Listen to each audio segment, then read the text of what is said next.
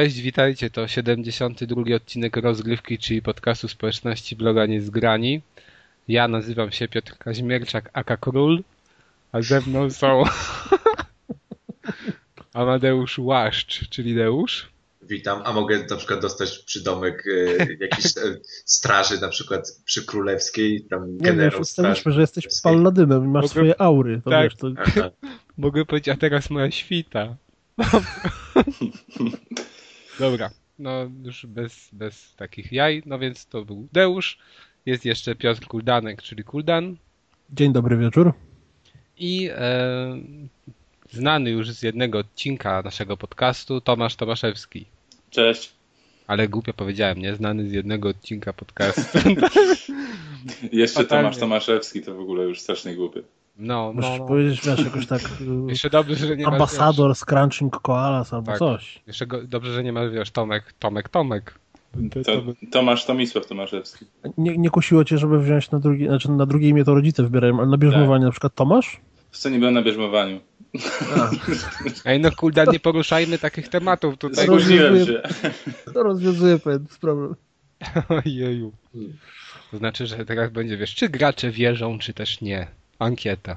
Możemy To sobie zrobić. możemy podpowiedzieć temat odcinka dla kogoś. Czy Dobrze, Ale na bierzmowaniu to się bierze imię, a to nie jest tak, że to jest patron, czy coś takiego? Nie no, No ale właśnie. wybierasz sobie patrona. Ale no tak, powiedzmy, Em, ale tak Patryka. na, no, no, no, nawiązując trochę do tego, o czym będziemy mówić, to gracze nie wierzą Microsoftowi. Już więcej. O tym, no, niestety. Pokazał gry. O niestety. co ci chodzi? No tak. Dużo Dobrze. gier pokazał. Omówimy sobie teraz na początku konferencję, później będą też gry. Ustaliliśmy sobie tak, że no nie będziemy się skupiać tylko i wyłącznie na tym, co było na E3, bo wszyscy mają tylko E3, a my zrobimy jeszcze o grach coś. Właściwie to na tym, co było na konferencji, bo E3 to jeszcze A. dopiero się zaczyna, bo się dzisiaj się zaczęło godzinę temu. No właśnie, czekam na kontrę. Nie będzie kontr. Oby była. Jaką kontrę? Pewnie Ach, na kontrę, kontrę. iOS-a albo na jakieś iPady. Właśnie, albo... jak, jak jest podtytuł niby zarejestrowany przez Konami Run and Down, to mówię o w mordę. Run and Gun chyba. Znaczy Run and Gun, no, Run and A. Gun. Zrobią z tego taki, wiesz, jak No. Rayman był i. Ra- Temple Run. Wiesz, ale Rayman był fajny. Rayman był spoko. No ale ja do, sądzę, do, do Raymana to pasuje, a do kontry to... Ale Konami coś tam robiło na tel... Nie robiło chyba, ale tylko w Japonii. Coś tam z tym MGS-em chyba było na telefony, ale już... To była fajna gra, ja w to grałem. Tak? Aha. Tak, to była strzelaninka, znaczy to było tak, że mm, miałeś widok na ekran za Snake'a, bo to było przy okazji MGS-a czwartego. I pojawiały się robociki przeciwnicy i musiałeś pokazywać poluszkiem, gdzie on ma strzelać. I to właściwie tyle. No i co? Mm. No i tyle. Gra na telefon. To płatne było, czy to było darmowe? E, chyba darmowe. Mm. Albo płatne. Nie wiem, to było kurde z 3 lata temu, albo z 5 lat temu, albo nawet nie wiem kiedy. Mm. Dobra, panowie, co? Jedziemy sobie teraz o tych konferencjach. Microsoft na początek? No, Microsoft. Można się skupić na tych tytułach, które nam się podobały, na tym, co nam się nie podobało. Boner na początku był ogromny, to prawda, mimo że i tak nie kupię Xboxa, ale wiem, że też to będzie na PS4. Czyli MGS nowy, piąty, Peace War, fu, Jezu, Phantom Pain, Metal Gear Solid 5, coś tam jeszcze, jakiś inny podtytuł na pewno jest. Znaczy tak fajnie wyglądał, jak, ale ja znowu mam takie obawy, że jak nie znam dobrze tej serii, to jak biorę się za piątą, to nic nie będę wiedział. Ty nie znasz Ale- dobrze tej serii? Najpierw powiedziałeś, że nie, zna, nie grałeś w Finala 7, nie skończyłeś. Teraz mówisz, że nie znasz Ja grałem, ja grałem akurat, no nie zaraz, ja grałem tak w jedynkę MGS-a, ale też jako dzieciak i w zasadzie nie, no to chyba mnie odrzuciło wtedy, że byłem tym dzieckiem z tym Nie językiem, przeżywałeś tych emocji. chociażby, no właśnie. Czy miłość Później- może później grałem w trójkę. walki. Później grałem w trójkę i tak jakoś niezbyt się ściągnąłem, powiem szczerze. Mhm. I w Peace Walkera, ale w Peace Walkera to mnie on odrzucił sterowaniem fatalnym. Fatalnym. To, to nie jest gra dla ciebie w takim razie. Nie, ja sądzę, że jest, tylko ja muszę od początku usiąść. Ja nawet kupiłem sobie niedawno, znaczy niedawno, bo z dwa lata temu. No. Kupiłem sobie na PSN-ie pierwszego MGS-a. A teraz wychodzi w ogóle Uber Turbo Collection przecież chyba w czerwcu, jak już pod koniec. No ale to, MGS-ów. ale to i Ale tak, to i tak nie jest odnowione. Co, co, co? Ale co to Znaczy, bo znaczy? drugi i trzeci wyszedł chyba w Właśnie, HD. już wyszło. No tak, ale teraz wychodzi pierwszy, drugi, trzeci, Ale to jest ten pierwszy. czwarty, No dobra. e, plus obydwa PSP-ki i to wszystko wychodzi No, na ale to PS3. jest tam, daj spokój. No, waż, wa- ważna jest jedna rzecz. Czy ta jedynka to jest ta jedynka z PSX-a, czy to jest ta przeróbka z GameCube'a? Nie, oczywiście z PSX-a. No to, to dupy, no bo jeszcze z GameCube'a to wiesz. To jeszcze można Tak. było o tym pomyśleć wtedy. A tak? A ja w ogóle bym zagrał z tego z GameCube. On wygląda jakoś tam te filmiki, które były. W, w MGS-ach generalnie filmiki przerwnikowe są kosmiczne, ale te w tej edycji na GameCube'a on się nazywał Twin Snakes? Chyba tak. Tak, Mhm. tak, To tak. tam to po prostu się jakaś totalna, totalne absurdy działy. Koleś wskakiwał Ale- na rakietę, No to nie było grakonami takiego- w ogóle, tylko to robiło zewnętrzne studio, które ale było... właśnie, to przez te prawa to nigdy razem nie wyjdzie, przecież oni się tam nigdy nie dogadają, żeby, żeby to razem wyszło. No ale to jest, e, ale to miało sens, bo wiecie, bo to jest jakby jedynka, tak? Czy mi się teraz coś myli? To jest Nie, to jest jest jedynka, MGS. to jest jedynka, tylko że na przykład wszystkie kascenki poprzerabiane, niektórzy voice aktorzy są podmienieni, to jest jedynka dla GameCube'a, a nie jedynka prawowita. Nie no tak, tak, ale wiesz, już bardziej chodziłoby mi o to, nie żeby się zachwycać gameplayem, tylko żeby sobie poznać tę fabułę. I sądzę, że bardziej przystępną wersją byłaby Jak chcesz wtedy sobie dla fabułę poznać, to ściągnij sobie komiks MGS-a. Poznasz sobie fabułę. A, jest no komiks. nie wiem. No właśnie. Jakoś wolę tak, wiesz, już sobie pograć w coś. Dlatego wiem, że w tego MGS-a w końcu zagram, tylko jeszcze cały czas liczę, że może mi dadzą tego z GameCube'a gdzieś kiedyś. Natomiast może się przeliczę.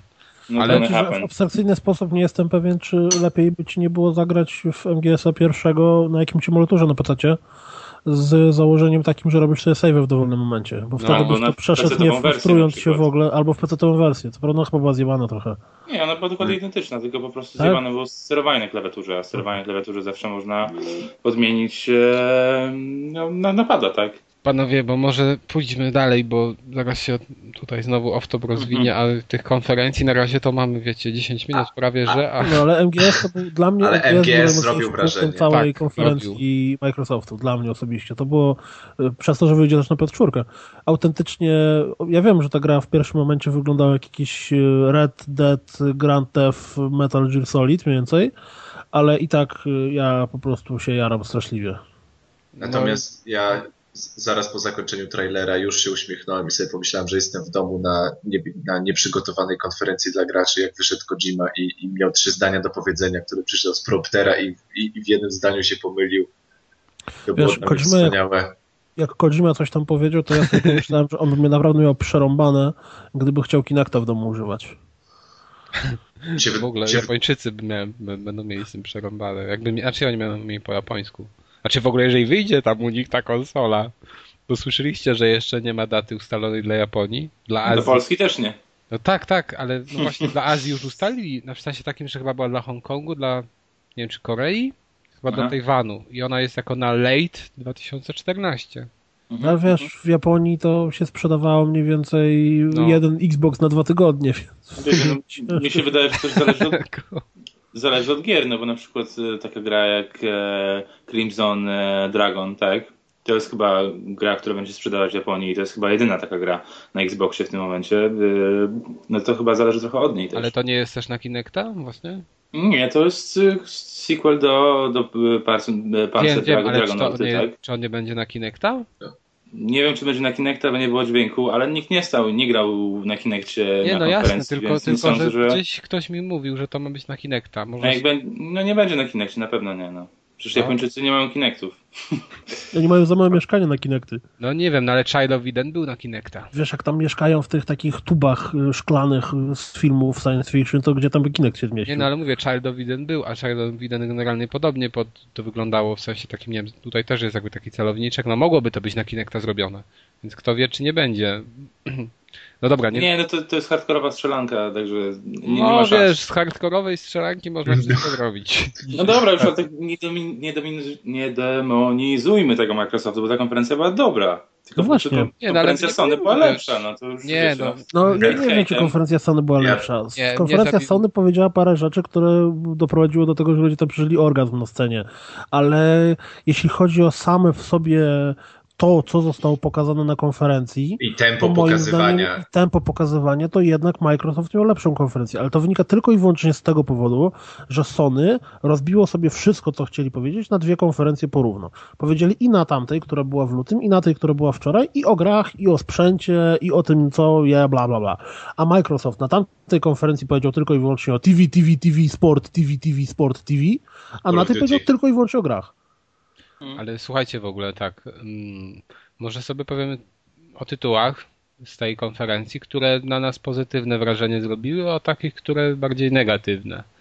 Ale Sądzę, to chyba że... łączny, łącz, łączy się z generalną oceną konferencji, tak, bo były tylko gry, więc nie wiem. Znaczy nie, bo na przykład wiesz co mnie zabiło? No. Na konferencji gra od y, Swery'ego, czyli od kolesia, mhm. który zrobił Deadly Premonition. No po prostu mhm. w pewnym momencie myślałem, że wyjdę z siebie, bo mhm bo byłem nastawiony na, powiem szczerze, kupno PlayStation 4, mimo że za dużo jeszcze o niej nie było tak wiadome, to jednak, nie wiem, bardziej mi zawsze eksy od Sony odpowiadały i na tej zasadzie domniemywałem, że sobie zakupię PlayStation 4, a tu mi normalnie walą, że wiesz, koleś, który zrobił grę w moj, moj, mojej prywatnym rankingu, mhm. jedną z lepszych w generacji, będzie robił dla Microsoftu coś. Natomiast to będzie detektywistyczne, jak mówimy o D4, czyli o detektywistycznej jakiejś tam w jakimś wymiarze grze, która nie wiadomo czym będzie, ale. nie, ma... wydaje ci się, nie wydaje ci się, bo ja ten trailer. Że to jest takie mała gierka. Na Kinecta, że tam jest sterowanie Kinectowe. Takie dziwne to było. Natomiast wiesz, sądzę, że jeżeli to nawet będzie Kinect, to nie przeszkadza temu, żeby to była fajna fabuła. Bo to nie może no. być bardzo dobra fabuła, tylko no może to, może to być oparte nawet na minigrach. Tylko, że ja wiem, że no Deadly Premonition też super gameplayem się nie bronił, tylko fabułą. Natomiast to będzie sprzedawane w epizodach i to może świadczyć o tym, że też to będzie małe. Ja mam nadzieję, że nie skończy to w ten sposób, że się okaże, wiecie, że on robi tylko teraz i wyłącznie gry dla Microsoftu, nie, ja w to nie wierzę. To wiesz, to nie wiem, czy za rok, czy za półtora roku, czy za nie wiem. No ale to kiedy. Microsoft Studios jest niby za to też odpowiedzialny. No ale z Deadly Premonition nie było tak samo, że tam też było Microsoft nie, Studios nie, nie, no co, co z Limbo? Gadasz? Nie. Z Limbo tak było chyba. Nie wiem jak było z Limbo, ale z Deadly Premonition było tak, że w Japonii wyszło i na to, i na to. Do, Generalnie z, z Microsoft Studios to jest tak, że na Xbox Live Arcade e, nikt się nie wydaje sam. Wydaje się tylko, gry się wydaje przez Microsoft Studios, dlatego zawsze jest logo Microsoft Studios. Tak ciężko powiedzieć, czy oni mieli z tym do czynienia. Aha, no to, a to nawet wiesz co, powiem szczerze, nie wiedziałem. No. Taka informacja w takim razie. Tak na przykład było tam, no właśnie z Limbo, o którym mówił Cooldown, czy, czy z Deadlightem, które robiło niezależne studio, ale zostało wydane na Xboxie przez Microsoft Studios, a później na Steamie dopiero. A to mm. każda mówisz? Każda jedna gra tak jest wydawana? E, wiem, że było parę gier, które się same wydały, ale to jest to, to, to sprawy niemożliwe. A żeby nie też jeszcze daleko nie szukać, to co jest takim przykładem z grubej rury, przecież Mass Effecta pierwszego e, Microsoft Studios robiło i to dość mocno. To nie tylko przecież chyba BioWare robiło samo dla siebie, tylko też Microsoft Studio to mocno mieszało poluchy. I jednak wydali to później na PS3. A czemu tak sądzisz, że mocno tam No właśnie, masz bo, bo jak, sobie. znaczy jak wyszła, jak wychodził Mass Effect drugi, to były mowy o tym, że nie ma szans, żeby pierwszy przy okazji, pierwszy Mass Effect wyszedł na PS3, ze względu na to, że to marka jest, pierwsza gra była współtworzona przez Microsoft Studios, takie były wtedy mowy przynajmniej. Mm -hmm. I dlatego nie może zostać wydana na PS3. Po czym ja nagle, w momencie, w którym wyszła trylogia, okazało się, że jednak może być. No tak, było coś takiego faktycznie. No to nawet nie wiem. Ale to, no dobra, to powiedzmy sobie szczerze, że to całe szczęście nie ograniczy. To wydawało mi się, że to jest ewidentne, że po prostu ta gra już się nie ukaże gdzie indziej, ale to daliście mi nadzieję. Natomiast, Najprędzej na Steamie się ukaże.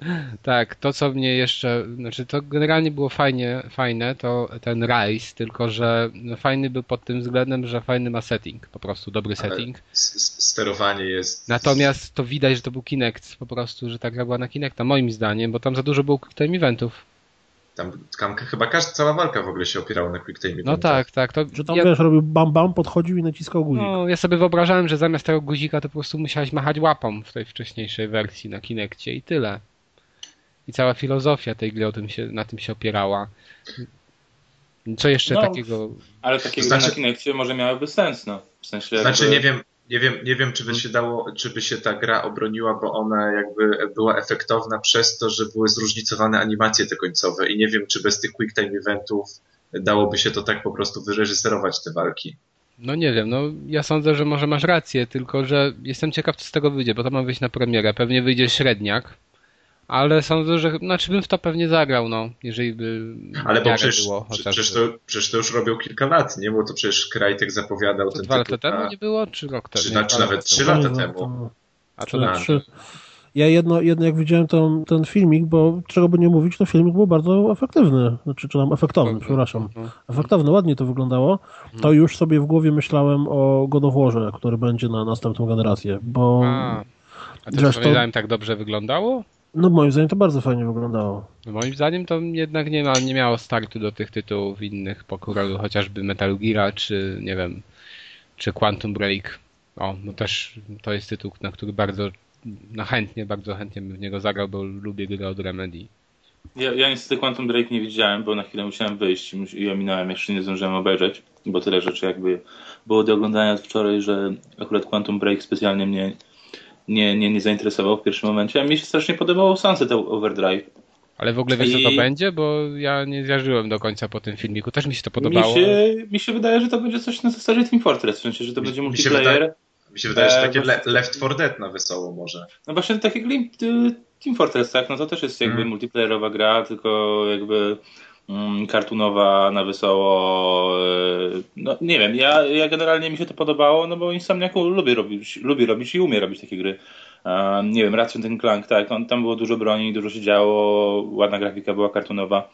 Ale jakby on, oni są w tym dobrze i to będzie dobra gra moim zdaniem. Ja, no właśnie kurczę, szkoda, że online. problem od czasu jak e, odeszli, znaczy jak odeszli, Jezu, Ratchet Kilanki były super, a Fuse generalnie nie za bardzo już. No nie wiem. to nie była wiem. ich pierwsza gra, która się pojawiła poza Ratchetem Clankiem w sumie. Hmm. Nie, nie, nie wiem jak, jak z tym z Fuse'em było, a, ale Insomniac chyba coś jeszcze robił. Czy, no. czy źle pamiętam? Znaczy oni chyba bardzo długo robili tylko gry na, na konsolę Sony. Tak mi się wydawało. No, no dobrze, no. A tłukli te tej klanki, potem y, mieli tak. robić, to, ta gra się chyba najpierw Overdrive miała nazywać mhm. i potem to przemianowali na Fuse'a. Mhm. E, I czy coś jeszcze robili? Ja nie kojarzę. Zaraz widziałem, a Resistance to kto robił?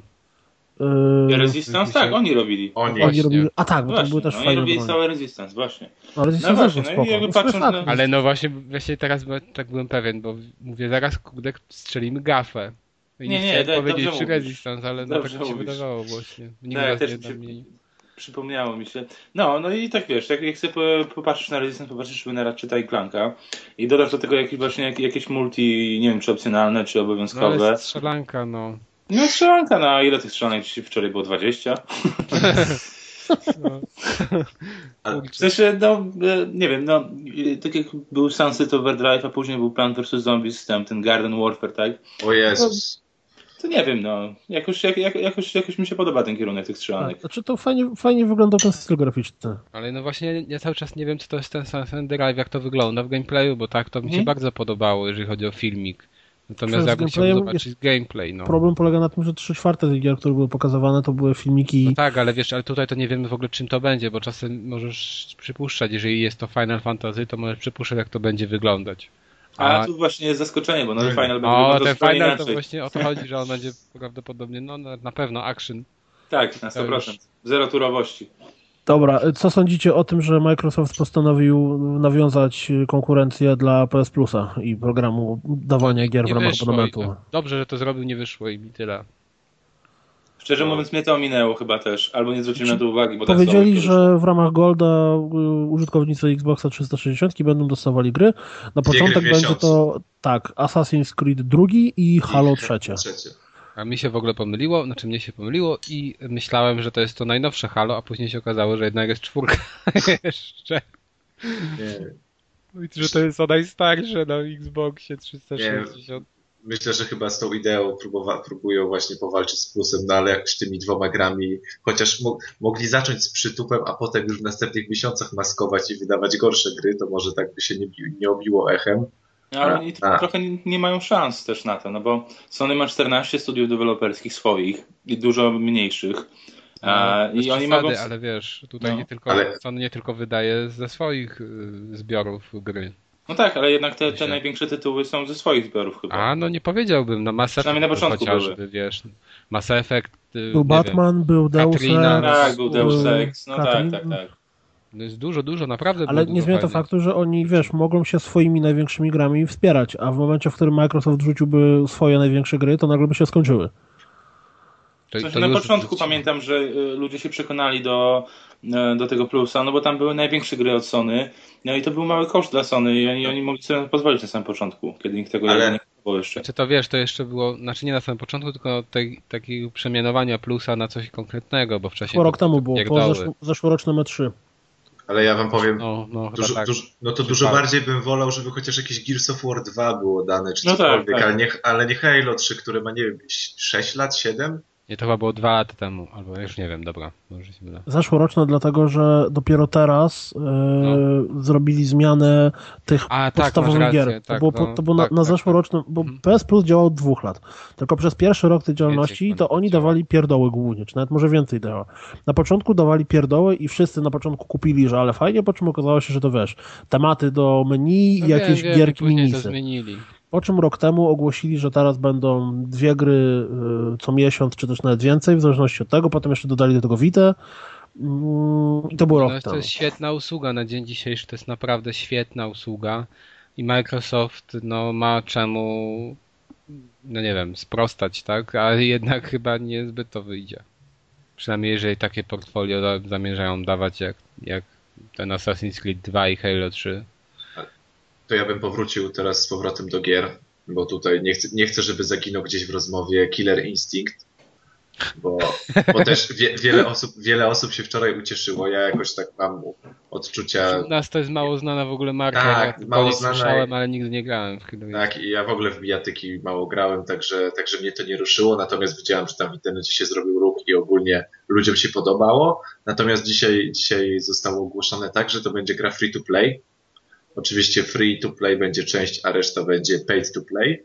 I jeśli chodzi o free to play, to dostępna będzie jedna postać. Z góry już wybrana, tak? Na nie, nie, że, nie, że my sobie wybiera, wy- wybierzemy jedną postać, tylko z to góry za wybrana jedna nawet? postać. Tak, tak. I, i, a za, każdą, za każde kolejne trzeba będzie tutaj dopłacić. I, i jestem przekonany na, na milion procent, że jakby wykupienie wszystkich postaci będzie dwa razy droższe niż jeśli tak gra by wyszła w pudełku. Ale co, 100%. przy okazji mnie Ja jeszcze jedna rzecz zastanawia. Mhm. Bo, bo jeszcze na Xboxie mamy Golda, prawda, który jest wymagany do grania online. Czy w przypadku World of Tanks, które też Trzeba będzie mieć golda, powiedzieć. free to play, powiedzieli, że bez Golda możesz grać przez 7 dni. Masz triala 7-dniowego, przy którego możesz pograć y, bez Golda. Ciekawe jestem, czy przy Clear Instinct trzeba mieć Golda, żeby dostać to w jedną postać, czy też jakieś... No ale y, tam chyba musisz mieć golda, bo to będzie zaraz, bo to nie będzie, no to jest na Xbox One, to tam nie będzie wymagane po prostu i tyle? Z założenia. Nie, no nie, no w sumie nie. Chyba nie musi być wymagany gold. Nie wiem. Bo tego chyba nie powiedzieli, czy to jest tak, że abonament To będzie. jest chyba oczywiste. Znaczy, nie, nie, Przy, przy ich polityce. nie, no w sumie wiecie, no bo jeżeli, nie, no zaraz, no, nie, nie, nie, nie musi tak być, może nie być przecież. Nie no, może, może, no. Ale... No. Nie no, nieważne, już naprawdę to jest taki problem. Już myślę, że jak ktoś będzie chciał kupić, tylko pograć w Killer Instinct i będzie chciał grać w bijatyki na Xbox One, No to dzisiaj, chyba się liczy, to że ka- musi zapłacić tak, dzisiaj to każdy w bijatyki jak gra, to po prostu w online najbardziej się liczy, więc... No, ale ja, bym- ja, ja bym specjalnie nie narzekał na tą jedną postać. W sensie, kurde, Znaczy no. uważasz, że to, bo dla mnie to jest ruch po prostu komiczny, no. Jedna postać za darmo, a reszta to co? No to No, każda grę masz za No to darmo, traktuj to tak? jako No, ale wiesz, ale co to za Traktuj to gra? jako demko. No. To dostajesz jedną postać, którą możesz sobie grać, a w momencie, w którym chcesz kupić grę, to ją kupujesz i Ale jak ja nie wiem, jaka postaci. postać mi się spodoba, to mam sobie kupować. A jakbyś miał całą grę do kupienia, to byś wiedział? No ale No nie wiedziałby, ale no dobra, No. tu nawet, tu nawet by nie Znaczy, sprzedał się- tej gry, się- bo chciałem to- powiedzieć, żeby sprzedał. To zależy, ile to będzie kosztowało, bo jeżeli będzie tak, że z- z kupno wszystkich postaci będzie kosztowało więcej niż pełna gra, tak jakby normalna w pudełku, czyli tam, nie wiem, 60 dolców, czy ile to będzie kosztowało, no to wtedy lipa. Ale z drugiej strony, jak spojrzymy na bijatyki, które teraz wychodzą, to, ta, to nie wiem, Mortal Kombat, cokolwiek, gry Capcomu, to już w ogóle nie mówię, kupujesz, po czym i tak za dwa tygodnie dostajesz DLC z dwoma kolejnymi postaciami i za kolejne dwa miesiące dostajesz kolejne postacie i tak czy siak, żebyś chciał mieć wszystkie postacie, to płacisz więcej niż za podstawową grę w pudełku, chyba, że czekasz półtora roku i kupujesz jakiś tam Ultimate Collection SFX14501. Ja gram na przykład w Awesome Notes i tam gra kosztowała mnie 3 euro czy 4 euro i jest tam jakaś podstawowa pula postaci do, e, do grania. No przecież w zasadzie te wszystkie postacie są darmowe, tylko skórki są płatne. Tak? I mm, skórki ale... kosztują o wiele więcej niż sama gra tak naprawdę, bo jak, jak ja dałem 3 euro, a zestaw trzech skórek kosztuje 5 euro, no to, no to jest to więcej niż gra. No tak, a... ale wiesz, ale to powiedzmy, że ta gra nie była za 3 euro na początku, bo ona no. była droższa, nie? Tylko, że no nie, no to są takie dodatki, a tutaj postacie to jest jednak bardzo ważna, czy istotna rzecz w bijatykach. Najbardziej istotna, bo przecież ty, każdy sobie wybiera i gra naj, najczęściej jakąś ulubioną. Mhm. A tutaj nawet nie będzie wiedział, jaka jest ulubiona i będzie musiał na przykład wtopić czasem pieniądz bez sensu na postać, która mu się nie podoba. A i tak- Zawsze tak... może sobie na Twitchu sprawdzić, który jest zintegrowany z Xboxem, jak się gra tą postacią. O! to dopiero, to właśnie a propos, selling point. Dobra, e, coś jeszcze? Mamy z gier, jeżeli ktoś chce coś powiedzieć? To no, może... Wiedźmin 3 na konferencji Microsoftu, duży tak. sukces w sumie, jednak jakby na to nie patrzeć. Wars of Rocks, nie? Jak to Bo... Zresztą mi się podoba, bardzo fajnie wygląda. Mi się też podoba bardzo. W porównaniu, do, w porównaniu do tam niektórych gier i tak dalej, no to spore na mnie wrażenie zrobił. Tak. Mhm. Z tego co wiem, oni demko na, na też, y, że tak powiem, składali przez ostatnie 10 miesięcy, więc musiał się podobać. E, mi też się podobał, tylko, tylko coś się z Geraltem stało, jak gdzieś bardziej obcisły jest. Jak Ezio, Ezio trochę wygląda, jak w kapturze siedzi. Trochę, trochę tak. klatka mu się rozbudowała no, i szyja skróciła, ale to tyle doświadczeń. W pasie trochę węższy jest. Tak, bo tyle doświadczeń to jednak odciska swoje piętno. Mm. Okej, okay. to coś jeszcze był Battlefield, znaczy mnie nie interesuje. No nie tam, był. Battlefield, Below, to ja byłem zaskoczony, bo Kurde, to była jedyna widzieliście... taka mała gra, którą pokazali. To ładnie wyglądało, no. No fajnie. Ale I widzieliście ten e, footer z Battlefielda z, z EA? Mhm, tak. Kurde, nie, no tam naprawdę jakby co tam się dzieje, kurde, na tym ekranie? To już naprawdę, to już... Call of Duty. No więcej, więcej, więcej, właśnie więcej. Kurde. A jeszcze Halo To był. jest rewelacja, bo te skrypty w multiplayer, bo jestem w stanie się założyć, że ten eksplodujący budynek, który tam się pojawił w którymś momencie, to był stuprocentowo skryptowany. I no okej, okay, tak, może no. faktycznie to będzie, że będziesz miał no, misję, która będzie się składała z trzech etapów, ale tak czy siak to jest trochę słabe. Nie no, nie, no, no wiesz, to nie jest słabe, no. To może być tak, to, to w każdej takiej grze, wydaje mi się, Tylko FPS to jest trudne, bo jak masz sieciowego shootera, to w założeniu będziesz w niego grał 100, 200, 300, 500 meczy. Jak za 400 razem będziesz widział, jak ten budynek się wali, to to wtedy jest nudne. No dobra, może, no ale, no dobra, okej. Okay. Natomiast, no nie, nie wiem, no ale to na przykład miałeś tam w Enemy Territory też budowałeś most i musiałeś go za, za każdym razem tak. zbudować, żeby przejść dalej i jakoś to nie było nudne. Natomiast tutaj to faktycznie, jak to jest skrypt taki, że będzie się rozwalał, no to może okej, okay, no przyznaję rację, że może to po pewnym czasie już nużyć. Um, nie wiem, czy coś jeszcze, czy generalne podsumowanie tej konferencji, bo moim zdaniem ona była fajna. Dead Rising nawet mi się spodobał, tylko że jak zauważyłem, że jak koleś wsiadł do samochodu i rozjeżdżał tysiąc zombie i z lusterkami się nic nie działo w jeszcze... samochodzie, to to było dziwne, jak na nową generację. Jeszcze z pseudodziennikarskiego obowiązku trzeba wspomnieć o Halo na koniec, które... A no właśnie zapomniałem, no chciałem powiedzieć, no Halo A... z kapturem tak, które będzie chodziło w 60 klatkach, było Ja mówię, o jakieś, jakieś Journey będzie, bo coś ale Journey to wyglądało, nie? koleś w kapturze, coś, ku, nie, Halo. I wiesz, wszyscy, wszyscy z tego lali, że, że odsłania swoją twarz, a tu kaptur i po co mu ten kaptur, jak ma kask? No tak, to, to, o to mi chodzi. W ogóle śmieszne jest, że nosi taką porwaną szatę, no szatę, jakieś porwane sukno i tak dalej, a ma na sobie super nowoczesny kombinezon, ale to już tam to tak wiesz, to dla efektu, dla efektu. On Mujahedina tam udawał. Żeby Wiem, że się naraża wielu osobom, ale, ale seria Halo swoim klimatem śmieszy mnie od lat i na tej konferencji. Cieszę się, że Arka nie ma z nami, bo już się, nie wiem, wyciszył albo zagłuszył. I, i, I także dalej, dalej mnie Ale wyobraźcie sobie teraz serial Halo na przykład w takim klimacie, gdzie oni tam latają w tych szafach. No jasne, na przykład jest teraz serial Destiny, tak? Jest serial Destiny i on Też się... takie że... bzdury odchodzą? Tak, straszne bzdury. Ja zasnąłem przy pierwszym odcinku. Trwają te odcinki, po, przynajmniej pierwszy trwał chyba ponad godzinę. Był strasznie nudny, ale, ale tak, chyba jestem sobie w stanie wyobrazić w sumie.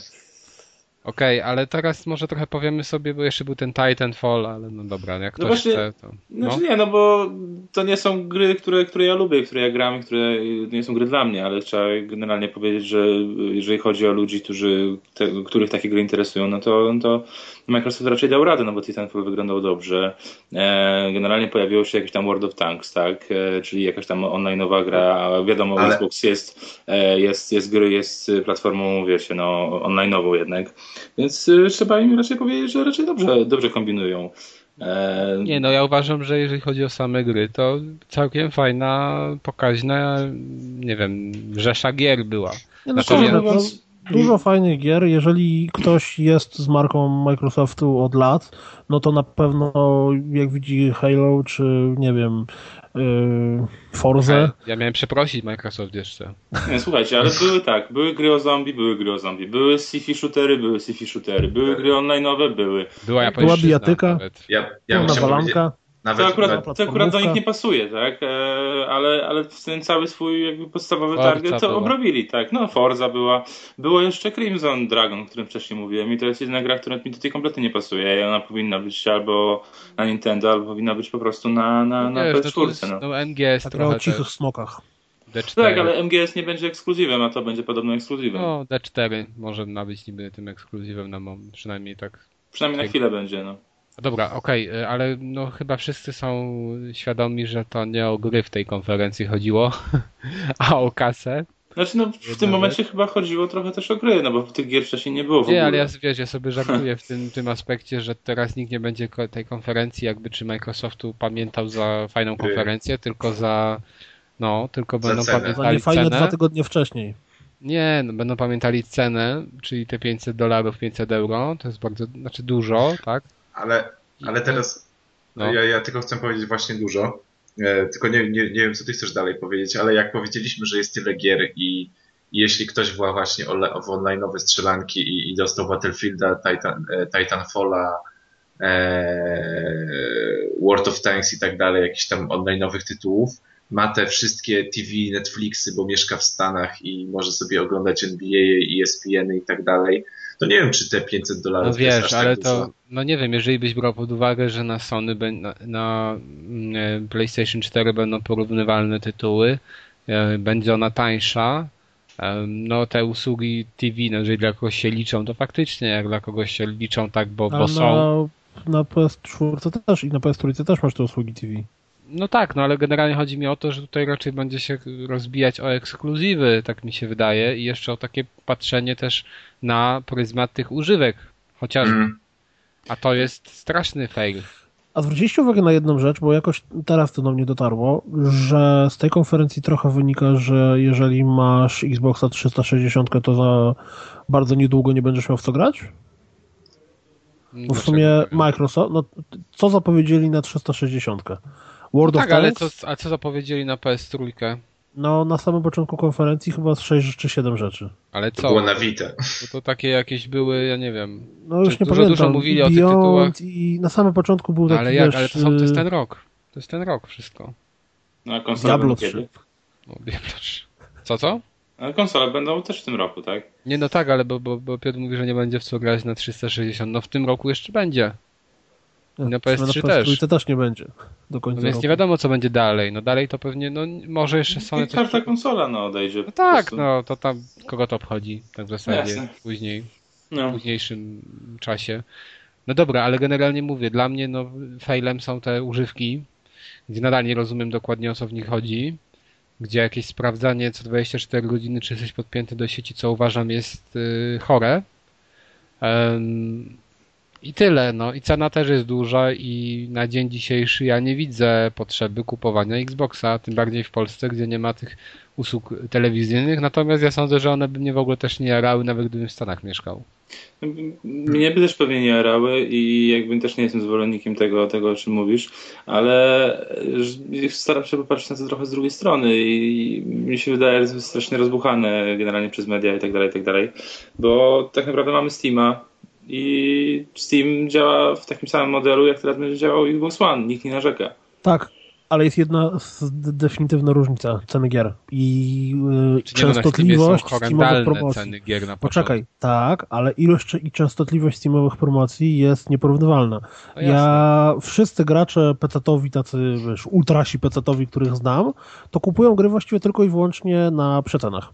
Ale bierzmy też pod uwagę, że Steam tak działa, ale na PC to możesz kupić dużo rzeczy w pudełku, one są wtedy dużo tańsze niż na Steamie. No tak, ale też ma się wtedy przypisane do konta zazwyczaj. No nie? tak, ale one są dużo, no masz, tylko że one są dużo tańsze, a tutaj będą pewnie dużo droższe niż PC-towe. Była wielka chryja ze Skyrimem, którego ludzie kupili na, na premierze w Polsce w, w day one, że tak powiem i nie mogli go odblokować do północy, bo, bo Steam go nie odblokowywał, tak? I w czym to się różni od tego, co będzie no, teraz mówię, na Xbox no, One? Nie no, słuchaj, no mówię, że różni się tym, że na przykład na PC kupisz grę w tym momencie za 100 zł. No to czemu mówimy o tym, że e, używki są zablokowane, a nie mówimy o cenach tych używek i nie mówimy o cenach gier, tylko mówimy o tym, że jest online wymuszany. No tak, tak? no jest, no dobra, no ale wtedy ja uważam, że konsole miały właśnie tę przewagę nad chociażby w tym momencie PC-tem i tańszymi grami na PC-ta, że ty mogłeś te gry odsprzedać. A w tym momencie, jeżeli będzie tak, że i PC, i Xbox będą miały taki model, że nie możesz odsprzedać gry, hmm? to i tak uważam, że lepiej no kupić ją na PC, bo jest taniej.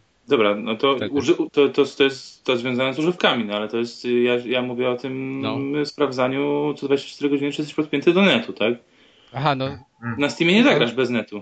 Generalnie. Okay, jest no, tryb racja. offline chyba. Znaczy ja nie wiem jak jest. Nie ma trybu offline? Szczerze. Wiesz co, nie każda gra go obsługuje i raczej mało ale, go obsługuje. Ale zresztą jak Microsoft zapowiedział, że tam w tych części gier, nie wiem na ile to jest hasło reklamowe, ale mamy ten jakiś tam część, jakiś tam ten cloud computing, nie wiem, w Forcy mhm. czy, czy, czy, czy w innych grach, no to przecież to nie jest co 24 godziny, tylko to chyba w trakcie gry musi być e, jakby oliczony, więc w trakcie gry musisz być podpięty pod internet jeśli gra wymaga właśnie jakichś tych Nie obliczeń. wiem, jak to dokładnie będzie, ale... Też nie, no nie powiedzieli, nie? Tylko że właśnie rzucili tam paroma hasłami, dlatego, dlatego się po prostu zastanawiam. Znaczy, no nie wiem, ale konsola jest też fajna, wydaje mi się, dlatego, że można ją wziąć ze sobą. No PC-ta takiego dużego, to no dobra, teraz laptopy, ok, ale ja nie, nigdy nie taśtałem ze sobą gdzieś PC-ta, a konsole mi się zdarzało gdzieś tam brać gdzie na przykład nie było internetu, czy nie podłączałem, bo nie było takiej potrzeby, bo chciałem sobie na imprezę, Stara pograć. Stara, tak. nie? No. Ale, ale do dlaczego braliście? Bo były gry takie, a nie inne. Nie dlatego, że konsola to konsola, a PC to PC. Bo... No nie, no, no, nie, bo dało się po prostu ją przenieść łatwo. To no, jest jedna rzecz, a druga, że były te gry, no i teraz wiesz, że... PS3 to... pierwszą przenieść łatwo, no nie wiem, no. To był wielki chleba, który ważył tam 10 kilo przecież. No, no nie, no dało się, no, powiedzmy, no konsole się jednak dało zawsze jakoś tam przenieść, takie ja mam odczucie. I tyle, no a tutaj tego nie będzie, czy zabrać ze sobą na działkę, jak właśnie ktoś ma. Na, na działkę. No Kto zabiera na działkę konsolę? No jak to nie? A dlaczego masz nie zabierać? Nie, nie, ja to rozumiem, tak. No wyjazd w cudzysłowie wakacyjny, tak? Aha. Na, na wyjazd to, no dobra, no. Nie, nie wiem, bo no, nigdy, działka... nie, nigdy nie wiesz, kiedy się pogoda zwali, no, po, tak? powie, po, po, powiedzmy, że i tak, i tak to powinna być taka możliwość i tyle. Nie, a nie, ja, się, są... ja się rozumiem jak najbardziej, tak, ale, ale po prostu chodzi mi o to, że jest wielka nagonka, tak naprawdę nikt nie patrzy na to, e, jak jest na Steamie i nikt nie krytykuje tego Steama za to, nie, no co, wiesz, co mnie boli jak tu osobiście, że ten Steam jest taki super i tak dalej. Ja wiem, wiem, właśnie też ja to zauważyłem, że przecież w sumie tak to trochę przeszło po kościach, jeżeli chodzi o to granie i rejestrowanie produktów poprzez Steam, mhm. bo nagle przecież zaczęło być tak, że nie można sprzedać gry. No. No, a tego nie było wcześniej. I, I nie było oburzenia wielkiego. Nie wiem, z czym to było spowodowane, że nie było tego oburzenia. Natomiast sądzę, że to jest troszeczkę inny rynek konsole. Mhm. Może teraz to się bardziej zlało, ale mam wrażenie, że właśnie gracze konsolowi chyba inaczej do tego podchodzą. I dlatego jest taki raban.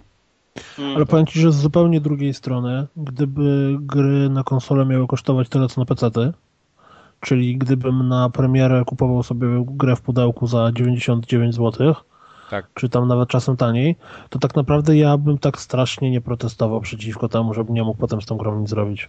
No tak, ale... Bo dla mnie te 100 zł to jest y, te, te, ten próg cenowy, który za nową grę w pudełku jestem w stanie dać i często nawet jak ktoś kupuje, kiedy zanim stanieje, to już wiesz, ma pół roku czy nawet dłużej, to potem i tak tego nie sprzedaje, bo już musiałbym to sprzedać tylko za 20-15 zł, bo na Allegro później chodzi po tyle, zanim ja to przejdę i w ogóle. Nie no wiesz, ale zawsze jest możliwość taka, że kupisz i chcesz sprzedać i za te 70 zł czy 60 czy coś odzyskasz z tak, tego. Tak, jest, jest oczywiście w tym kwestia pożyczania gier, no bo jednak ja wiem, że to Sony pokazało jako totalnie trolujący filmik, ale jest jednak tak, że ludzie sobie gry na konsolach pożyczają. Jest to, jest to normalna rzecz, taka traktowana za coś oczywistego, tak?